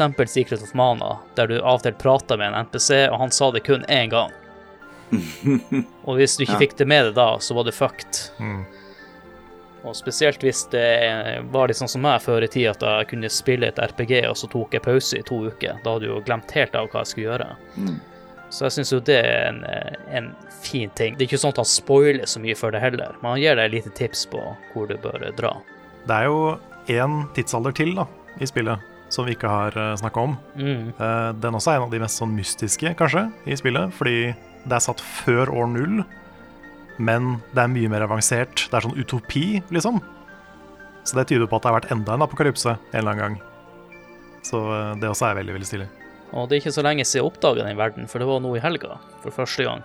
Ja, der skjer det mye gøy. Og det er veldig mye magi i den verden. Veldig mye magi. Det tar jo veldig lang tid før du kommer dit. Du reiser, du reiser tilbake og møter Ayla og sånn lenge før det. Ja, og du er i år 1000 en gang til, og du er tilbake i år 2300 en gang til. Og du Spillet gir deg jo veldig inntrykk av at du egentlig har vært overalt hvor du skal være, da. Før du plutselig havner i I år var det 12 000 BC? Ja, minus, minus 12 000 eller noe sånt. Nei, altså det er fascinerende, fordi den Nå hopper vi jo veldig Men vi skal jo kanskje ikke uansett spoile hele storyen. Nei, nei. Vi heller eh, mekke en eller annen spoilerkast en annen gang. Men, men um, eh, Det er veldig, veldig fascinerende, for den verdenen som er eh, Kjempelangt inn i framtida eh, Nei, fortida, mener jeg. Den er Jeg jo tror den er 12 000 BC, faktisk. Ja, ikke sant? Så den er ikke, det er ikke dinosaurtid, men den er Nei. helt absurd, liksom Uh, Ja, 12 000 BC, ja. Eh, helt absurd eh, mye tidligere enn alt annet. Men der er du på en måte på et kongerike som svever i skyene, og som er sånn superavansert teknologisk, og Og alle kan bruke magi, og ting er bare helt liksom ja, veldig, veldig, veldig annerledes da enn det som som egentlig spillet har vist deg noe sted hittil. Det jeg syns er genialt, er jo at uh, jeg som spiller nå Jeg trodde jeg snart var ferdig med spillet for lenge siden, for du reiser jo så mye fram og tilbake i de andre verdenene. Ganske mye, så man tenker at uh, det er de her verdenene spillet bygger på. Og så seint i spillet kommer en ny verden. Det syns jeg er et eh, genistrek.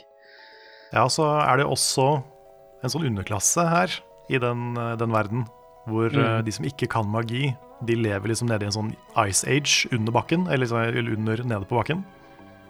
Mens da de, de begavede er oppe i skyene. Ja, og de som lever nede på bakken, der har de gjenbrukt spritesene fra de folka i apokalypsen. Ja, Og jeg må innrømme Ja, at det er enten litt sånn landskap, eh, asset-plass-greie, eller et, en genistrek. Nei, Så satser på at det er en genistrek, da, siden det er Dream Team det er snakk om. Men vi må jo nesten forklare kanskje litt hva det er som truer verden, da. Eh, selv om vi ikke skal spoile eller spille, så er det jo faktisk det at det kommer altså en meteor ned til jorda eh, i 1999, tror jeg det er. Ja, stemmer. Ja eller meteoren kommer vel i forhistorien, men den kommer ut av jorda igjen. Ja, sånn er det. Meteoren lander der faktisk i um, i, Ja, seks millioner år før vi sier, og dreper dinosaurene. Sånn er det. Og dinosaurene er jo dessuten et høyteknologisk folk som er mye smartere enn disse Ja, huleboerne. Kan prate og kan Ja. Ja, ja, ja. Så, så er det da et, et, et eh, romvesen inni denne meteoren som heter Lavos, og som kommer opp av bakken etter å ha ligget da og sovet i 65 millioner år, og rett og slett eh, lar det regne jeg vet faen hva det er, laserstråler eller pigger eller minimeteorer eller noe over hele jordkloden, og bare legger den øde. Ja, Han har vært som en parasitt siden forhistorien og har på en måte spist seg opp igjen av, eh, av jorda. Ja, og han dukker jo også opp i 12 000 BC, vel, og lager Ja. et helvete der òg. Ja, for dronninga Og er vel grunnen til at dette høyteknologiske kongeriket faller ned da, på bakken og Stemmer. danner de kontinentene vi kjenner i dag. Ja, Og, og for så vidt også grunnen til at du ikke noensinne har hørt om at det fantes en høyteknologisk kultur eh, for 12 000 år siden. Eller 13 000 år siden. Ja, Det som er interessant med han eh, Lavos, er jo at eh, det blir jo klart ganske tydelig om denne eh, figuren, da. Og det som er litt spesielt med spillet her, at du kan ta sistebossen ganske tidlig. Det er mulig å dra rett til Lavos fra tivoliet. Helt i starten. Tutorial. Men er det, jeg tror det bare er på New Game Plus. Ja, kanskje. Jeg tror Du er i hvert fall sjanseløs hvis du ikke gjør det på New Game Plus. For det er jo inne i End of Time. Jeg tror du har en egen portal der du kan eh, møte han med Lavos til ethvert mm. tidspunkt, og det avgjør jo hvordan slutt du får ut av de 13 forskjellige sluttene, tror jeg det. Mm. Og det er jo mye av grunnen til at uh, New Game Plus er så smart også i det spillet her. For det var jo et av de I hvert fall det første spillet jeg spilte som hadde New Game Plus. Uh, hvor du da kunne ta med liksom, karakterene og uh, stæsjet ditt fra første playthrough. Men det du kan gjøre da, er at du kan utfordre Lavos og er faktisk sterk nok til å utfordre Lavos når som helst. Og da kan du spille gjennom spillet på nytt og ta siste boss på det tidspunktet eller det tidspunktet, eller det tidspunktet, og så får du helt forskjellige slutter. Og det er veldig stilig. Så det, du, du, du er litt langt unna ferdig med spillet første gang du kommer til rulleteksten. Jeg tenker vi kanskje også bør gå innom eh, hva vi syns om de forskjellige bosskampene i spillet. For jeg er på en plass nå der møter Tosen en gullgolle der jeg står helt fast. I Kingdom of Seal. Ja. Så jeg holder på med den fighten. eh, Det, er noen kinky bosser i spillet, her, men som regel så er det alltid eh, noen sånne smarte triks. Jeg føler ikke at de er kjipe, men de, de her, denne bossen føler jeg er ganske kuk, for å si det på godt nordnorsk. Men nå er du i 12 000 BC, eller? Ja, for det er de to som du har slåss mot én før, ikke sant? Nede Ja. i den der eh, undervannsbasen nedi der. Det stemmer. Eh, Den er jo det er en, Den er en bitch, men eh, jeg tror vel løsningen er å angripe én av de to kjempehardt. Sånn at det blir én så raskt som mulig. Og finne ut av hvilke angrep det er som skader dem mest. da. Men det er jo sånn klassisk uh, Final Fantasy-boss, vil jeg kalle det, der at du ender opp med bare uh, hver runde du har å heale, heale Mm. deg sjøl, så du går bare på en rundgang helt til du er tom for MP eller noe sånt. Men eh, jeg skal nok knekke den koden etter hvert. Jeg mener å huske at jeg var Krono, Luca og Frog i den fighten. Men jeg er ikke sikker. Ja, for du kan da, da kan du heale alle litt med Frog, og så kan du bruke haste med Luca, sånn at Mm. du blir raskere. Eh, og så må du bare prøve å banke løs på de så mye du overhodet kan. Eh, og bare plukke Jeg husker ikke om det er forskjell på de, om de gjør det samme begge to, eller om Jo, de gjør det er... samme. Eh, De gjør det Ja. samme, og så tror jeg de også eh, replikerer dine angrep. Ja, og så har de også noen kombinasjonsangrep, og det er det som er nøkkelen her, da. At du må hvis du, I det øyeblikket du får ned han ene, så går det liksom greit. Da, men eh, det er på ingen måte noe lett boss. Det er vel en av de vanskeligere. Så kommer det en seinere i samme familien som er ganske kjip, han òg. Ja, takk, takk skal du ha for den. Det hjelper på motivasjonen òg. Men hva dere synes om eh, bossutvalget i spillet? Jeg liker designet på de veldig godt. Fordi eh, igjen, da, for å sammenligne med Final Fantasy, så er jo eh, bossene i de gamle spilla én sprite. Liksom Mm. bare et, et bilde av en boss, på en måte. Mens her så går de rundt og er animert og har personlighet og ser ut som litt sånne cartoony, morsomme figurer. Så eh, de er litt mer minneverdige pga. det. Og så er det noen som har litt sånn gimmicks.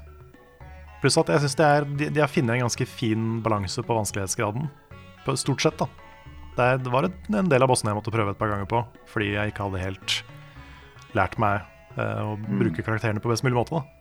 Jeg tror også det hadde vært kjedelig hvis de hadde gjort bossene så lett at du klarte dem på første forsøk, så Ja, du kan liksom ikke bare så En av de første bossene, som heter Jakra, tror jeg, i, eh, 600, i år 600, mm. den er liksom ikke Den er ikke vanskelig, men den er ikke sånn Du kan ikke bare spille gjennom i søvne heller. Du må følge med litt og hile litt og sånn. Men det er et save point rett utafor døra. Ikke sant? Sånn Det er det. at eh, Det er det. hvis du driter deg ut, så gjør det ingenting. På den IOS-versjonen av spillet så har du jo en sånn eh, bookmark, slags save state-sak som også kan være fin å bruke enkelte plasser. Jeg må si at uh, en av mine sånne favorittbosser på game design, i hvert fall, er jo for eksempel um, I årtusen på et eller annet punkt så møter du et kjempestort skjelett på en bro.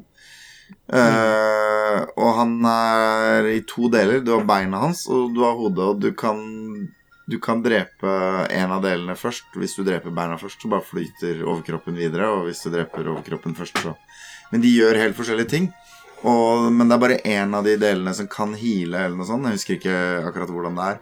Og det er også noen angrep du gjør da som kan trigge at han healer oftere, eller et eller annet sånt noe. Sånn at du må på en måte finne ut av disse tingene, og så må du passe på å ikke Altså holde deg unna spesifikke måter å angripe bossene på. Og det er også noen bosser som gjør counterattacks hvis du angriper den delen Mm. før du har ødelagt en annen del, og en del sånne ting som gjør at du må på en måte ta, ta noen smarte valg, da. Den der eh, dragemaskinbossen på brua. Ja, ikke sant? For eksempel. Den steampunk-dragen du må. Steampunk-dragen, ja. Den, uh, den Mm. husker jeg veldig godt. Den er veldig sånn ikonisk fra Krono Trigger. Også et av screenshotene i Powerplayer den gangen. Hvis vi kommer oss litt videre, så vil jeg bare nevne det at det har så mange slutter. Jeg tror ikke de Telltale-gamerne eh, engang har klart å få så mange forskjellige slutter på sine spill, som eh, går ut på at du gjør en noe, så får du konsekvenser for det. Eh, jeg vil også nevne at det tar ca. rundt eh, 20-25 minutter å klare spillet, som jeg syns er en perfekt lengde. Timer, mener du? Ja, hva var det jeg sa? Minutter? 20-25 Ja, minutter. Er, er kanskje speedrunner klarer, men eh, 25, eh, mellom 20 til 25 timer, da. Mm. Jeg syns det er en perfekt lengde. Jeg spilte jo eh, Mass Effect-spillene nå i høst, og de var nesten like lang. Jeg syns ikke jeg melker noe. Altså, du, det er flott pacing hele veien. Ja, En ting om IOS-versjonen du spiller nå. Jeg runda Chrono Trigger på Android for noen år siden. Og det er én sekvens på mobil som er nesten uspillbar. Fordi den bare ikke eh, virker. Og jeg tror ikke Du har ikke kommet dit ennå. Men på et eller annet punkt så skal du opp på et fjell hvor det blåser motvind. Og hvor du må eh, Når du går Da går du veldig sakte opp motvinden. Og så med jevne mellomrom så kommer vinden i store sånn stormkast. Og hvis du da ikke står rett bak et tre, så blir du blåst ned av fjellet, og så må du begynne på nytt på det brettet. Og eh, eh, dette er ikke veldig vanskelig på Super Nintendo, fordi eh, Super Nintendo-kontrolleren er jo knapper og ikke analogstikke, så den på en Mm. måte flytter deg en piksel av gangen. Så det å stå rett bak det treet og gå rett oppover For du kan ikke stå stille bak treet, du må gå mot treet uten å treffe kanten av treet, sånn at karakteren liksom sklir rundt. Så du må gå rett mot midt på et tre. Og det å gjøre det med hva skal jeg si, sånn mobil analogstikke, altså at du styrer med tommelen rett på skjermen, det er nesten umulig. Dette er en sekvens som tar 30 sekunder når du spiller på Super Nintendo. Jeg tror jeg brukte en, en 20 minutter eller noe sånt på å komme meg gjennom eh, på mobil. Og det, er, det finnes ikke gøy. Det er helt, okay. helt forferdelig. Uh, så det er bare en liten advarsel til alle som vurderer å spille på mobil her. Spillet er fantastisk, men det er én liten sekvens der, altså, og det er helt forferdelig kjipt. Uh, men det går selvfølgelig an å komme seg gjennom det, altså.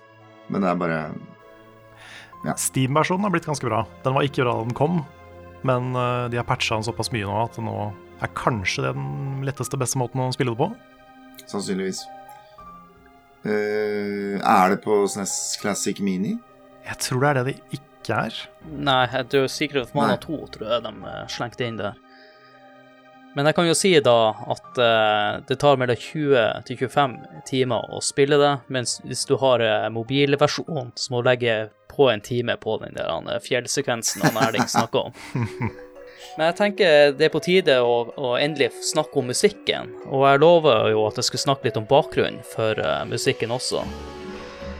Og um, det her det starter jo med Vi har jo nevnt det mange ganger nå, han Mitsuda, som jobba som lyddesigner. Og han hadde jo lenge gått med en drøm om å bli komponist og lage spillmusikk. Og det var jo rundt dette tidspunktet at uh, Square begynte å jobbe med Krono Trigger. Og Mitsuda ga klar beskjed til eh, Square om at han var misfornøyd med lønna, og at han ikke fikk være composer. Så han eh, trua rett og slett med å slutte hos Square. Det var da han eh, Sakaguchi kom på banen da, og foreslo at han kunne lage musikken til hans nye prosjekt, Kronetrigger. Og han ga også et eh, hint om at eh, siden han da ville inn i en ny stilling, så ville kanskje også lønna hans gå opp litt. Så han eh, Mitsuda han starta med å skrive låter, eh, så fikk han innspill fra han eh, Masato Kato om spillets setting og handling. Dette gjorde at han fikk en bedre feeling på hvordan type musikk som passa til hver scene. da. Og Mitsuda han jobba jo veldig hardt og tilbrakte mange netter på kontoret, hvor han dessverre en dag oppdaga at hans harddisk med rundt 40 tracks hadde blitt ødelagt. Dette endte opp med at han, eh, Mitsuda måtte jobbe enda mer, og resultatet av det her var jo noe han Erling nevnte ganske tidlig i episoden, at han fikk magesårproblemer og gjorde at han ble borte fra prosjektet. Og det var da han eh, Uematsu kom inn for å gjøre ferdig de gamle, noen av de gamle låtene, og bidro sjøl med de ti tracksene. Og Mitsuda kom tilbake igjen helt på slutten, fikk med seg avslutninga og klargjøringa opp mot release. Og han har sagt i ettertid at han ble utrolig rørt når han fikk se det endelige produktet. Og noe dere har lyst til å kommentere etter det jeg har nevnt? Nei, eh, Mitsuda er jo, mener jeg, en av de beste spillkomponistene på den tida. Han har Ja. eh, også komponert eh, oppfølgeren, Krono Cross, og eh, Shadow Heart-serien, hvor det også er veldig, veldig mye bra. Han sidestiller jeg nesten med Uematsu når det kommer til uh, slagere. Altså. Men det som er, jeg syns er litt rart, er at han, han eh, lagde musikken til spillene du nevner, eh, Carl, men eh, det virker som han blir borte Mm. når det begynner nærmest år 2000. Det er litt rart at ikke han har fått mer eh, jobber, med tanke på musikken han har lagd. Det skjer jo en ting rundt der som er en kjepphest for min del, da. Og det er jo på en måte overgangen ja, Det er kanskje ikke litt upresist å si, men eh, på et eller annet punkt her så er det en overgang fra chipmusikk til liksom mer orkestrert, omfattende greier. En av mine kjepphester er jo at det er mye vakker musikk som er designa til um, ja, f.eks. Kingdom Hearts, da, eller uh, litt nyere serier hvor på en Mm. måte musikkchipen er mer avansert og i større grad kan ligne på et stereoanlegg, på en måte, eller, eller lage normal lyd. Uh, men det man ofte mister da, er jo at den derre mm, begrensningen da, som ligger i de 8- og 16-bits lydchipene, gjør jo at øh, det er ikke en lyd til overs. Og det gjør også at folk er, komponistene virker å være mye mer skrudd mot å lage sånn fengende hitlåt-type melodier framfor liksom store, stemningsfulle verker. Og det gjør jo at jeg nynner på låter fra sant, Final Fantasy 9 og nedover. Mm. Eh, Chrono Trigger, Secret of Mana, Megaman Dette er melodier som sitter i hodet, som jeg husker. Altså Turtles in Time, Mm. all mulig sånn. Mens eneste låtene jeg kan utenat fra f.eks. Kingdom Hearts, er jo de jeg er mest lei av som irriterer meg. Som f.eks. jeg rusler rundt i Hva heter den byen? I eh, Altså hubbyen, da. I det første King, Kingdom Hearts-spillet. Travers, uh, Traverstown. Traverse Town, ja. Den er jeg jo så lei av, ikke sant. Eh, sånn at um, Det kan jo være så enkelt som at Mitsuda har på en måte talent for den ene måten å komponere på, da. Mens i det øyeblikket du går over til det som er mer Fullt kanskje orkester, nesten. komponering og orkestrering enn Mm. ren låtskriving, så er det andre som tar over stafettpinnen, da. Ja, kanskje. Ja, det er jo sant at eh, melodiene var mer minneverdige før, fordi den melodien var på en måte det eneste de hadde. Det er ikke bare i dataspill. Prøv å nynne soundtracket til en eneste Marvel-film, bort Mm. fra Spiderman. Det er sant. Det er sant. Det var kanskje litt også mer fokus på musikken i spill før. Mm. For det var den eneste måten å skape stemning på. Mens nå har man jo eh, voice acting og alt det der, og flere ting som kan bygge på en følelse, da. Ja, kanskje. Jeg må jo si at han eh, Mitsuda, han eh, Det er ganske imponerende han fikk til, med tanke på at det her var debutspillet hans. Han hadde jo lagd mye musikk på forhånd før han fikk det prosjektet. Det var jo såpass ille at han, han jobba jo så mye med musikken at han, mye av melodien dukka opp i drømmene hans mens han sov. Jeg husker ikke hvordan trekk det var nå i farta, men det er i hvert fall en av dem som han, han har drømt om. da. Nei, altså Vi har jo vært inne på det, da, men det er jo ikke Jeg syns jo egentlig ikke det er en eneste direkte svak melodi i dette spillet her. Og det skjer nesten aldri, ikke sant? Det er veldig mange spill med veldig mye fete soundtrack som har en eller to låter du hater, eller som bare ikke er fete. Men her er det bra, altså, fra A til Å, og ikke minst uh, hitsene, liksom, eller de aller største høyderne. Det er liksom i hvert fall seks melodier som er sånn helt der oppe. Helt fantastisk. Enten på stemning eller bare kule melodier. Så det, det vil jeg si er sånn Det er noe helt unikt med Chrono Trigger. Det er faktisk hvor totalt komplett da, soundtracket er. På mange måter. og jeg blir å kjøre musikken i bakgrunnen. Men det er en låt som eh, satt preg på meg, som kanskje ikke mange liker. Det er den der eh, fra år 2300, der er alt ødelagt. Den låta der eh, den ga en sånn spesiell stemning. Den fikk fram alt det dystre. Den er veldig sånn ambient. Jeg synes den er Nå snakker du om når du går ut på kartet, på en måte, og Ja. alt bare Ja. er eh, Den skaper utrolig eh, mye inntrykk hos meg, i hvert fall. Jeg kan vel med hånda på hjertet si at jeg aldri har satt den på for å høre på. Nei, det har ikke jeg heller. Men den gjør jobben i den scenen. Mm. Det gjør den. Og så har han også gjort det med den hovedlåta til Kronotrygger, som eh, ble spilt av inn i første pausen. Da har også lagd flere versjoner av den, eh, med tanke på hvordan verden, eller hvordan årstall du er i. Så jeg syns også det er en, en eh, Han har gjort det på en bra måte, da. At han klarer å mikse det og skape stemning i de forskjellige verdenene, også med å gjøre litt om på den hovedlåta. Ja, og så er det jo litt viktig òg, fordi ikke sant, Chrono Trigger-soundtracket, eller duk, eller Krono-melodien, dukker jo opp hver gang han bestemmer seg for å redde verden litt ekstra, på en måte. Eller sånn. Og det skjer jo et par ganger i løpet av spillet. Så sånn sett så er det mm, eh, Det er kanskje den melodien som er Jeg tror jeg spilte den spillet tre ganger før jeg skjønte at det var hans låt. Ja. For jeg trodde det var generell heltemusikk, hvis du skjønner. Eh, mens med de andre så er det veldig tydelig at eh, nå forteller vi hans historie, og da er det hans sang som kommer. Mens Kronos historie er jo din historie. Og derfor så catcha jeg ikke det de første gangene jeg spilte gjennom spillet. Sant. Robo sin theme er jo Rick Astley. I hvert fall ikke langt unna. Jeg skal ikke se bort ifra at, at de henta noe derifra, fordi du har jo tre fiender der. De folkene til Amagus. De heter jo Fly, Ossi og så Slash, er det det? Slash, ja, Ja. som er fra eh, ja, rockeartister. Ikke artister, men musikere. Mm.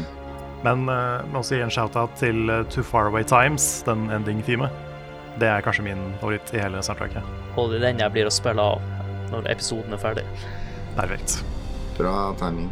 Jeg synes jo, Hvis vi skal nevne stemningsskapere, så er jo Du nevnte jo hvor utrolig dritt stemning det blir av å se folk sulte i hjel til lyden av egentlig vind og lidelse, eller noe sånt, som er på en måte den derre soundtracket til 2000, altså apokalypsen.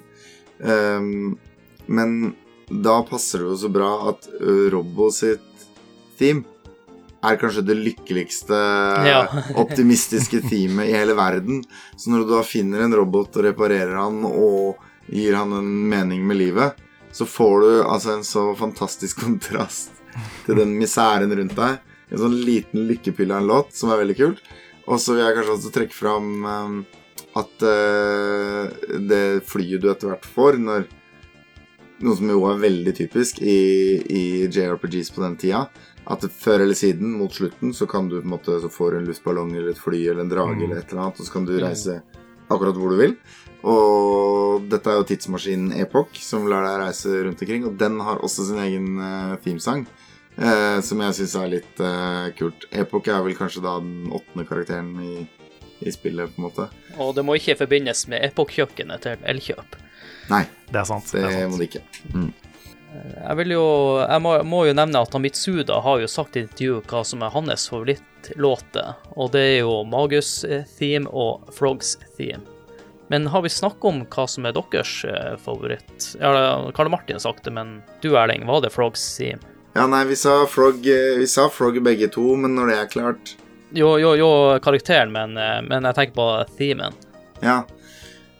Uh, Magus Team er jo i hvert fall noe som jeg likte veldig, veldig godt som uh, 13-åringer som setter pris på Agelords.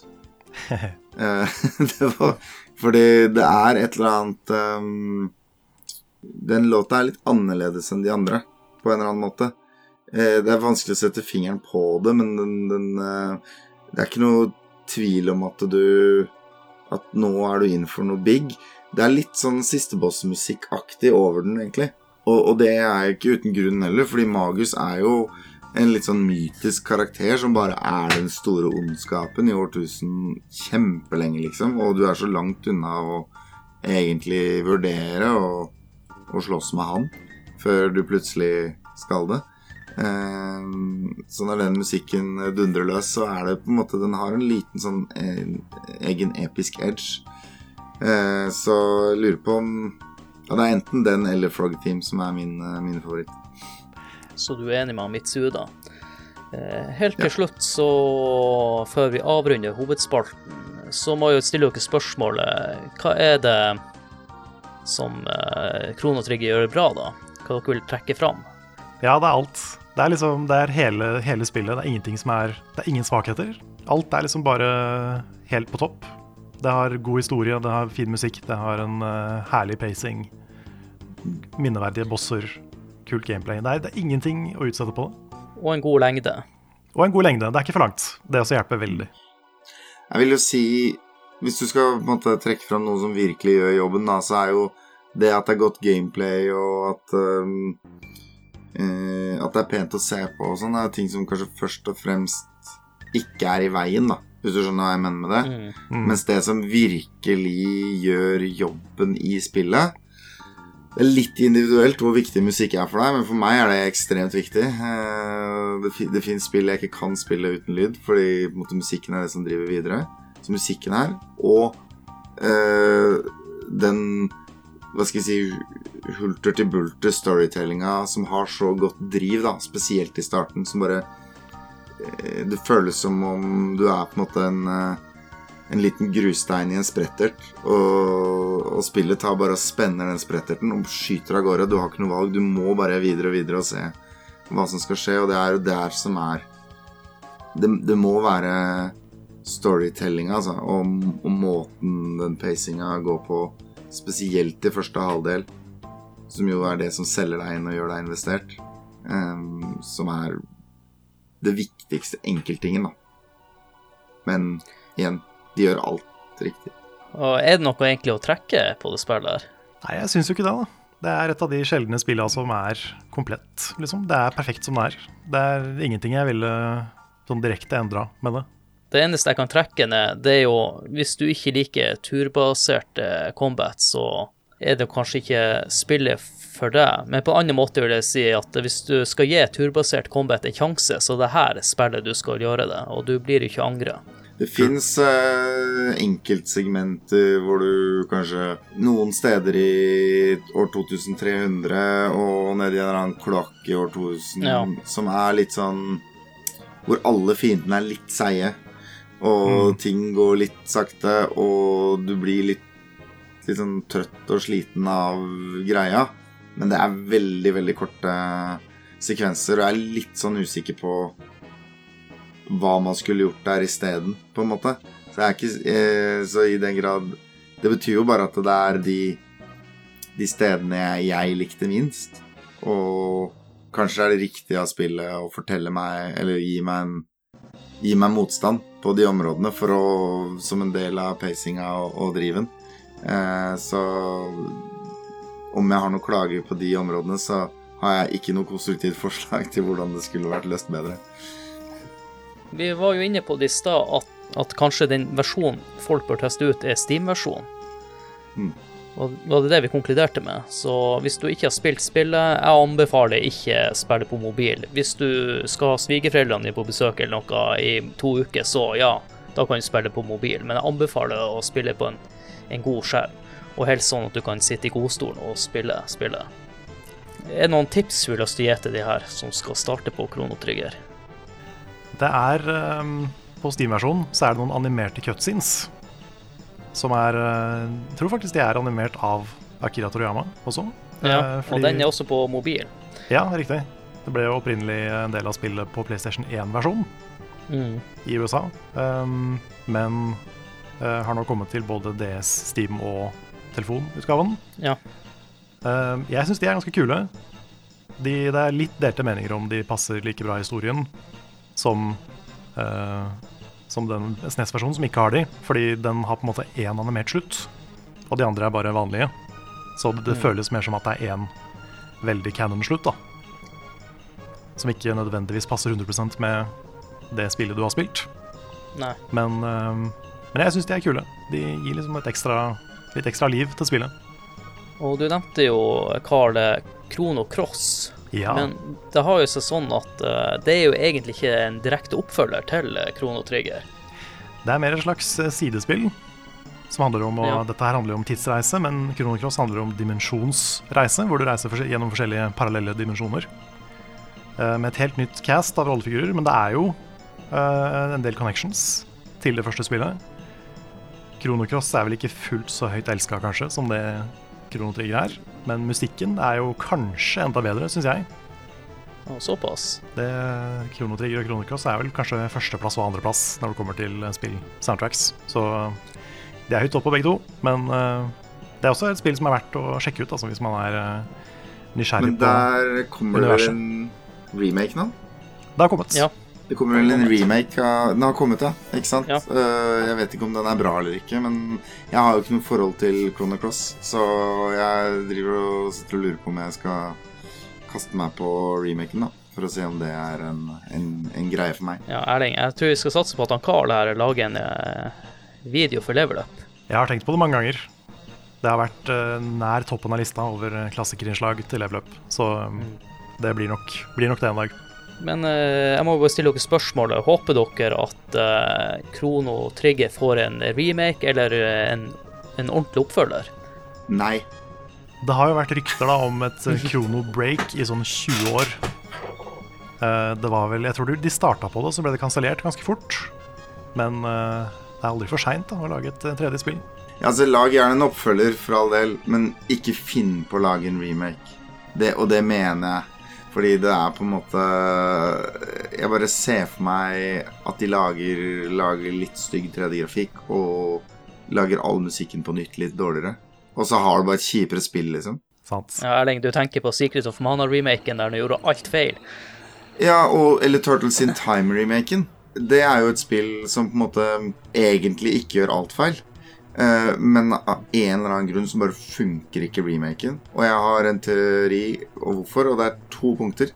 Det ene er at de har ikke originalmusikken, og musikken er så viktig for det spillet. Og det andre er at de har modellert i 3D istedenfor sånn 2,5D med hvor du på en måte går hakk innover og utover, sånn som du delvis gjør i Turtles in Time. Sånn at ja. uh, plutselig kan fiendene slå deg på skrå, og det endrer, det endrer gameplay fullstendig. Fordi de modellerte det i 3D. Og da, og da, bare er det et annet spill. Og jeg har runda det. Jeg hadde det ikke gøy, liksom. Og, mm. og, det er nesten ingenting som er annerledes, da. Brettene er liksom én til én like og alt sånt, men det bare er bitte litt som ikke funker, og så er det så dårligere. Og det gjelder nok mye av de klassikerne på Super Nintendo, nettopp som vi snakka om pga. ressursmangel på kassetten og sånn. er at de egentlig alle balanserer på en knivsegg fra å være drittspill. Eh, men de bare tar de riktige valgene da, gang etter gang etter gang. Uh, og det er derfor jeg er så livredd for en remake av et så perfekt spill som Chrono Trigger. Jeg kunne tatt en uh, pixel remaster, sånn som det er gjort med Final Fantasy 1 til 6. Fordi de er ganske Ja. trofaste, samtidig som de gjør en del sånne små, subtile moderniseringer. da. Men det må gjøres riktig, fordi det er Ja. veldig mange feller å gå i der. Med det så tror jeg egentlig vi bare skal eh, gå over til å eh, rate Krono Trigger. Og det er jo sikkert masse vi kunne sagt mer om det her spillet, men nå er det jo sånn at eh, vi må også prøve å avslutte episoden. Og jeg føler jo jeg har snakket om de aller fleste aspektene til Krono Trigger. Uten å spoile for mye til nye spillere. Så får vi jo heller kanskje en gang seinere lage en spoilercast på et senere tidspunkt om kronotrygger. Men da setter jeg over til at vi skal rate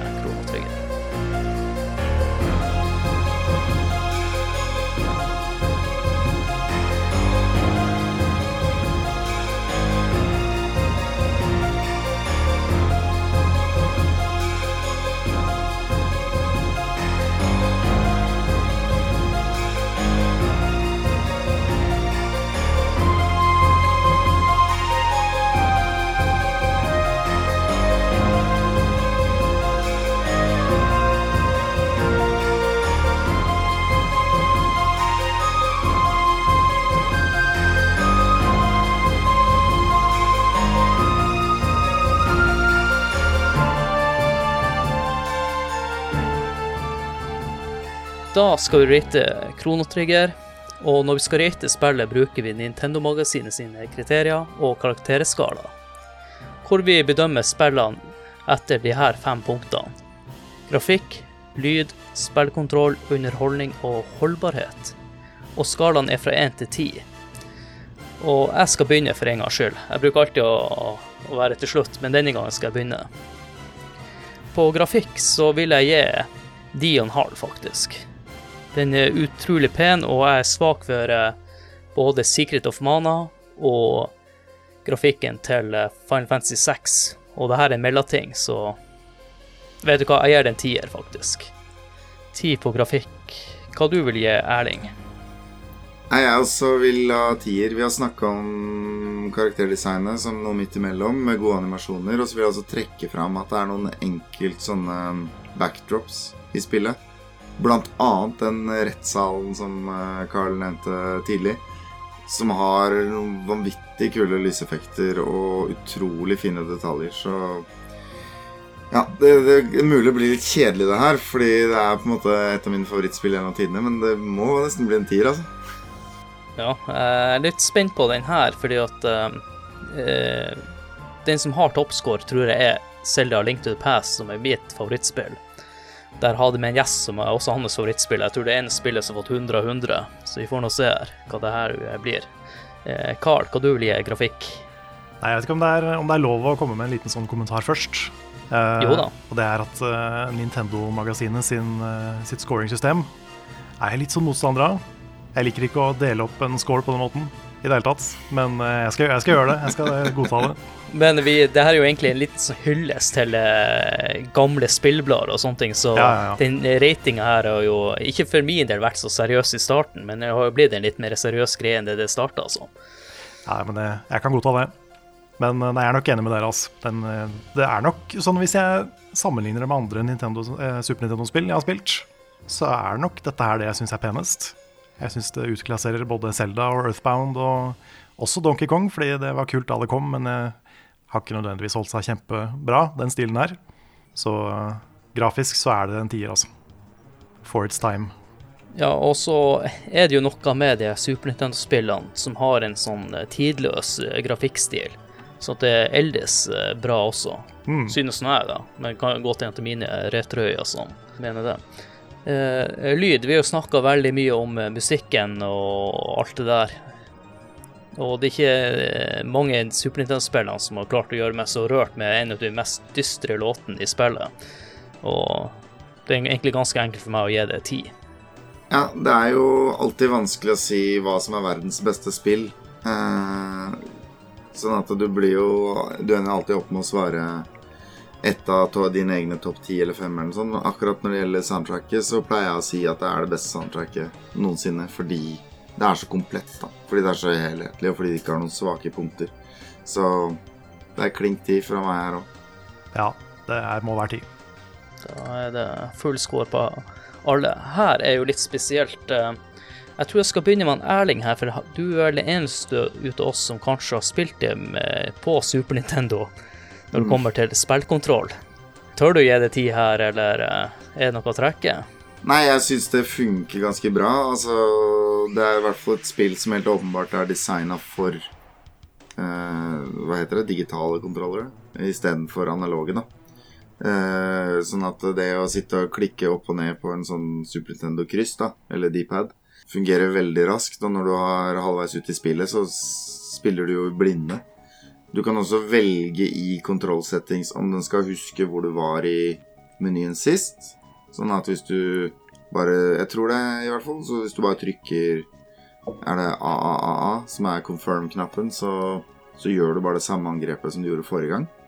For raskere gjennomspilling etter hvert som liksom den neste impen ikke er så spennende lenger, da, og du bare vil raskt innom kampene. Så jeg syns kontrollsystemet fungerer veldig, veldig godt. Og pluss for løpeknapp. Altså Det er så mange JRPGs hvor du går, bare går litt for sakte Mm. når du skal bevege deg rundt. Uh, mens i Chrono Trigger så kan du holde inn B, og så løper du hele tiden.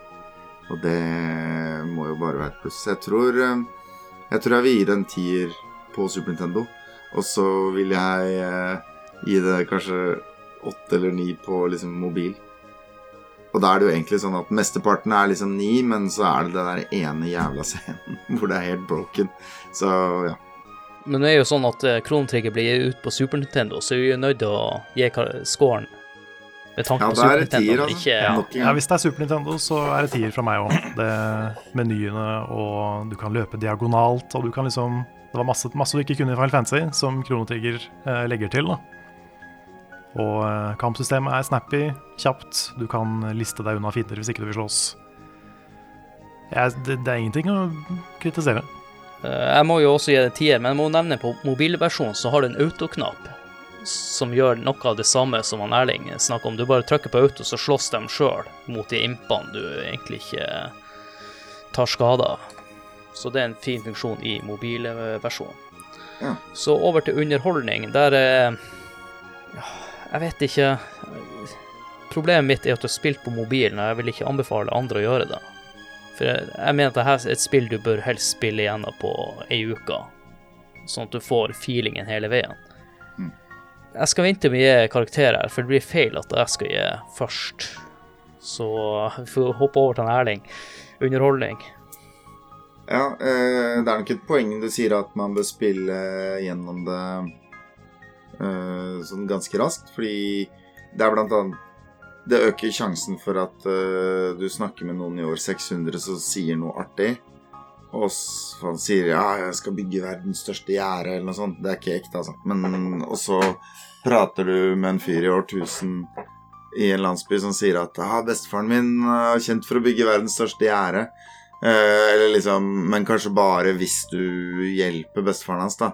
Og og de der små connectionene på kryss og tvers i storyen, de, de gir ganske mye. Men du legger jo bare merke til de hvis du på en måte har litt ferskt i minne eh, hva random NPC-er i forskjellige landsbyer har sagt, da. Eh, men ja, underholdningsverdi hm. jeg, jeg tror egentlig det, det må jo være en tier her òg, egentlig. Men da er jo musikken en viktig del av greia til at jeg fortsatt syns Jo, jo, det. men Ja, ja, det gjør Eh, men en eh, men uh, førsteinntrykket er det i hvert fall ikke noe å lure på. Det har Mm. aldri vært så nysgjerrig på, på hva som skjer neste, og hvordan skal dette gå, og Ja. Så det, det må jo bli en tid. Ja. Ja, dette er litt av grunnen til at jeg syns det er så vanskelig å uh, rate spill på den måten her. Fordi Krono Trigger som opplevelse er en tier, liksom. Det er en sånn soleklar tier. Og det er vanskelig å dele det opp på den måten her, fordi det, spillet er en tier, liksom. Mm. Um, og når jeg, når jeg tenker på det, så tenker jeg på opplevelsen. Jeg tenker ikke på enkeltsegmenter på den måten, da. Men um, underholdningsverdien er jo top notch. Det er, uh, historien er spennende hele veien. Det er masse plot-twister. Det er masse uh, spennende, kule ting som skjer hele tida. Uh, kampsystemet utvikler seg. Du får nye skills, du får komboskills. Um, musikken som Erling snakker om, bidrar kjempemye til helheten. Så det er jo Det må være en tier. Grunnen til at jeg valgte å ta det her til slutt, er fordi at jeg ville høre hva dere sa. Jeg kunne kanskje gi det ni og en halv, men jeg føler at det blir litt feil å gi det ni og en halv, så jeg gir det også en ti. du kjenner på gruppepresset? Ja. ja. Som sagt, eh, jeg har jo spilt det her i ganske Ja, ganske nylig, da. Eller jeg spiller jo nå mens vi ikke akkurat mens vi tar opp, men mm. jeg skal gjøre det ferdig nå til helga, og har storkost med hele veien. Og det jeg ønsker litt med episoden her, at uh, de som ikke har spilt spillet, gir det en sjanse å få oppleve det samme som vi har opplevd med den første gjennomspillinga av spillet. Og da kommer vi til siste kategori, som er holdbarhet. Uh, som sagt, eh, jeg kåra jo det nå i desember til årets retrospill 2021. Og da må jeg jo gi det en tier. ja jeg mener jo også at uh, det er jo interessant, fordi dette spillet kommer ut uh, hva skal jeg si, rett før en bølge med spill som sliter veldig med holdbarheten, nemlig uh, da verden begynner å eksperimentere med polygoner. ja. PlayStation 1-spill har holdt seg verre enn det meste. Ja, og det er det som er så deilig med hva skal jeg si, late Super Nintendo-æraen, da, er at mm. den grafikken, den står seg i samme hvilken oppløsning, samme hva, liksom. Det, det, ser fett ut, og det føles bra, og vi har vært inne på at kontrollene sitter som skudd, mm. og historien er jo på en måte gjerne den tingen som holder seg best, med mindre det er noe veldig utdaterte stereotyper og sånn. Og det har de dodga, så det, det er jo ingenting å trekke for på holdbarheten. Og jeg merker jo at av at vi sitter og snakker om det nå, at jeg har lyst til å teste ut Steam-versjonen rett og slett laste det ned og, og gunne på. Så det, ja, det har holdt seg. Terningkast sier man kanskje ikke. Ti. Det blir full score, og Karl Martin, hvis du gir det ti nå, så er jeg ganske sikker på at dette blir årets spill. Det vil si at vi har en kåring på slutten av alle spillene vi snakker om det her året. Oi, oi. Så jeg burde egentlig vente litt med å svare, sånn at det blir litt spennende. Og bare tenke ja, at kanskje det blir en nier, kanskje det blir åtte. Nei da. Det blir en tier, selvfølgelig. Um, og det Når vi snakker om det med grafikken, da, så er dette et spill som I 15 år så har indiespill prøvd å gjenskape stilen til Chrono på en måte. Og andre spill på den tida, da. Mm. Det, mm. Det ser så bra ut, og det er så komplett, og art direction er top notch. Et veldig godt poeng, Carl, fordi langt ifra alle klarer det der. Sant. Så um, Nei, det, det, bare er komplett. Og det er, det, det er kanskje hovedpoenget med det spillet her. At det er ingenting som føles, føles feil. Da. Det er bare et fullstendig spill. Det er ikke så mange av de. Portal 2 er kanskje et annet. Det er et spill vi blir snakke sikkert om i en annen episode. Vi skal få lage episode om Portal. Eh, det er én ting som jeg misunner deg, Erling. Det er at du, for det første at du fikk spille det spillet såpass eh, tidlig, og at du fikk mm. spilt det på sånn eh, god gammeldags CRT-TV, eller hva heter det for noe. God gammeldags kasse-TV. At du fikk oppleve spillet med scanlines. For jeg tror grafikken er enda bedre med scanlines enn det vi ser på mobilversjonene. Det hadde jeg et så bevisstløst forhold til på den tiden at det er vanskelig å, å, å uttale seg om, men det var i hvert fall det var bare kos fra ende til annen. Det, og det har jeg ganske sterke, gode minner av. Jeg har det. For det er kanskje mange i dag glemmer av at eh, de Super Nintendo-spillene også Den grafikken er også lagd eh, med hensyn til scanlines. Sånn at utseendet på karakterene kan være annerledes fra det vi ser nå i de gamle versjonene, og som det egentlig opprinnelig var tenkt med hjelp av scanlines. da. Mm. Eh, nå har vi jo rata spill her, og jeg må jo si det blir nok ikke være noen andre spill som blir å gjøre det like bra i det her året, mest sannsynlig. Og det er litt artig for meg å spille et retrospill såpass nylig og få den følelsen med å spille det. Det er akkurat som jeg har vokst opp med spillet, på en måte. At jeg har mye nostalgi til et spill som jeg begynte å spille for alvor nå i sommer, som var for et år siden. Og det er ganske sterkt til å være et såpass gammelt spill. Ikke, jeg tror det her er kanskje det første gangen jeg har opplevd det skikkelig.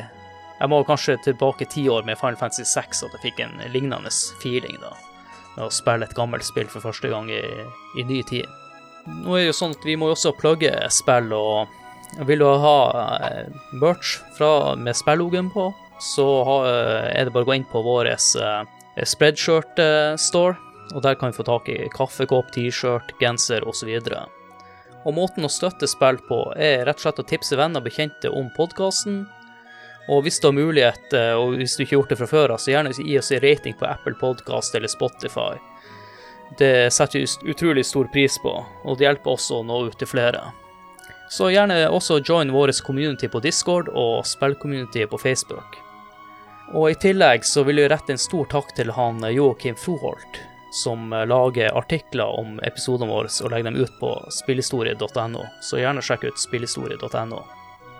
Og det var veldig morsomt å ha det med igjen, Erling, og eh, håper at du også vil være med på episoder i framtida også. Ja, nå har du jo vært gjennom kanskje mitt favorittspill gjennom tidene, og så har du tatt det som podkasten min Spillmatic på en måte er programforplikta til å mene er det beste spillet i verden, nemlig det som best kombinerer dataspill og hiphop. Eh, GTA. Ja. Så da er jo litt eh, nysgjerrig på hva det neste eventuelt blir, da. Men jeg må jo bare oppfordre folk til å sjekke ut uh, Spillmatic.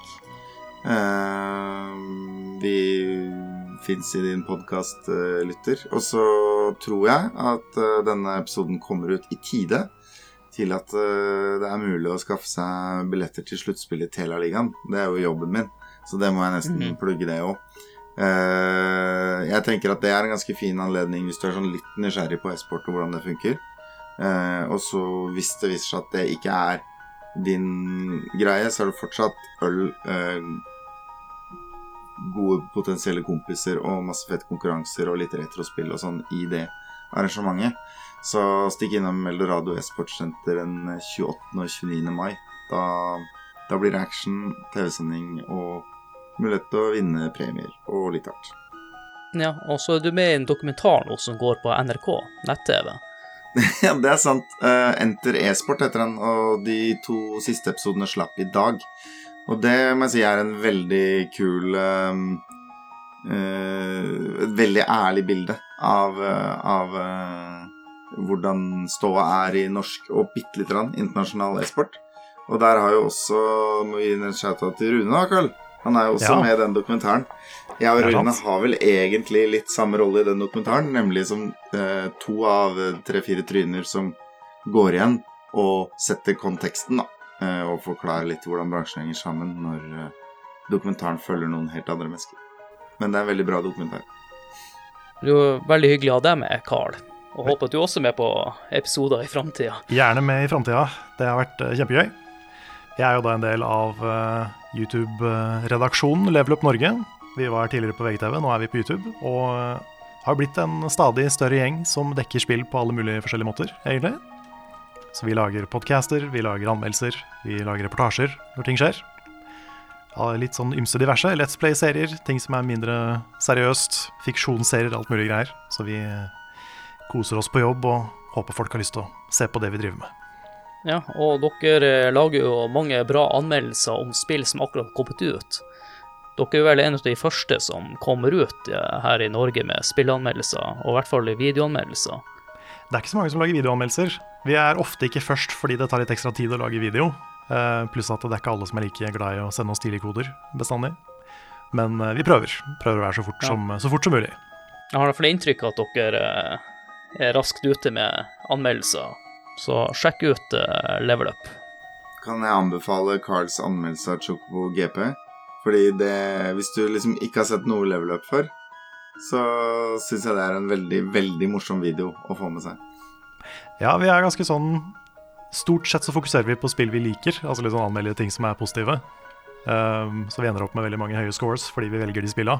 Men uh, akkurat Chocobo GP var jeg litt skuffa og det, jeg tok okay. det litt personlig, så det ble en litt sånn sinneanmeldelse av det spillet. Ja, jeg må jo si at vi i spill også, vi har jo også en tendens å velge spill som eh, vi er veldig glad i, så vi er jo også ganske mange høye score, men i, kanskje litt i en gammeldags eh, måte å gjøre det på, ifølge han Carl. Det er lov, altså. Det er lov. Det er bare litt sånn personlig eh, pet fiv. Men du kan jo si at dere i Level Up dere rater ikke på samme måten som vi gjør her i spill. Nei, det gjør vi ikke. Det er én, det er én score basert på alt. Ja. Det Yes. Det er egentlig den eh, rette måten å gjøre på. Og til slutt så vil jeg også rette en stor takk til deg som hørte på episoden, og jeg håper at du tenker at hvis du ikke har spilt Krontrigger før, så test det ut. Vi har gitt en veldig god høy score her, og jeg har jo akkurat spilt inn noe nylig og gitt en høy score, så gi det en sjanse, og du vil bli oppslukt. Og hvis du ikke gjør det, så ring til Erling. Kontakt dem på spillmatic.no, eller hvor dere har eh, Spillmatic-e-posten. Ja, så kan vi krangle. Ja. Mm. Og med det så vil jeg bare si. Ha det. Ha det.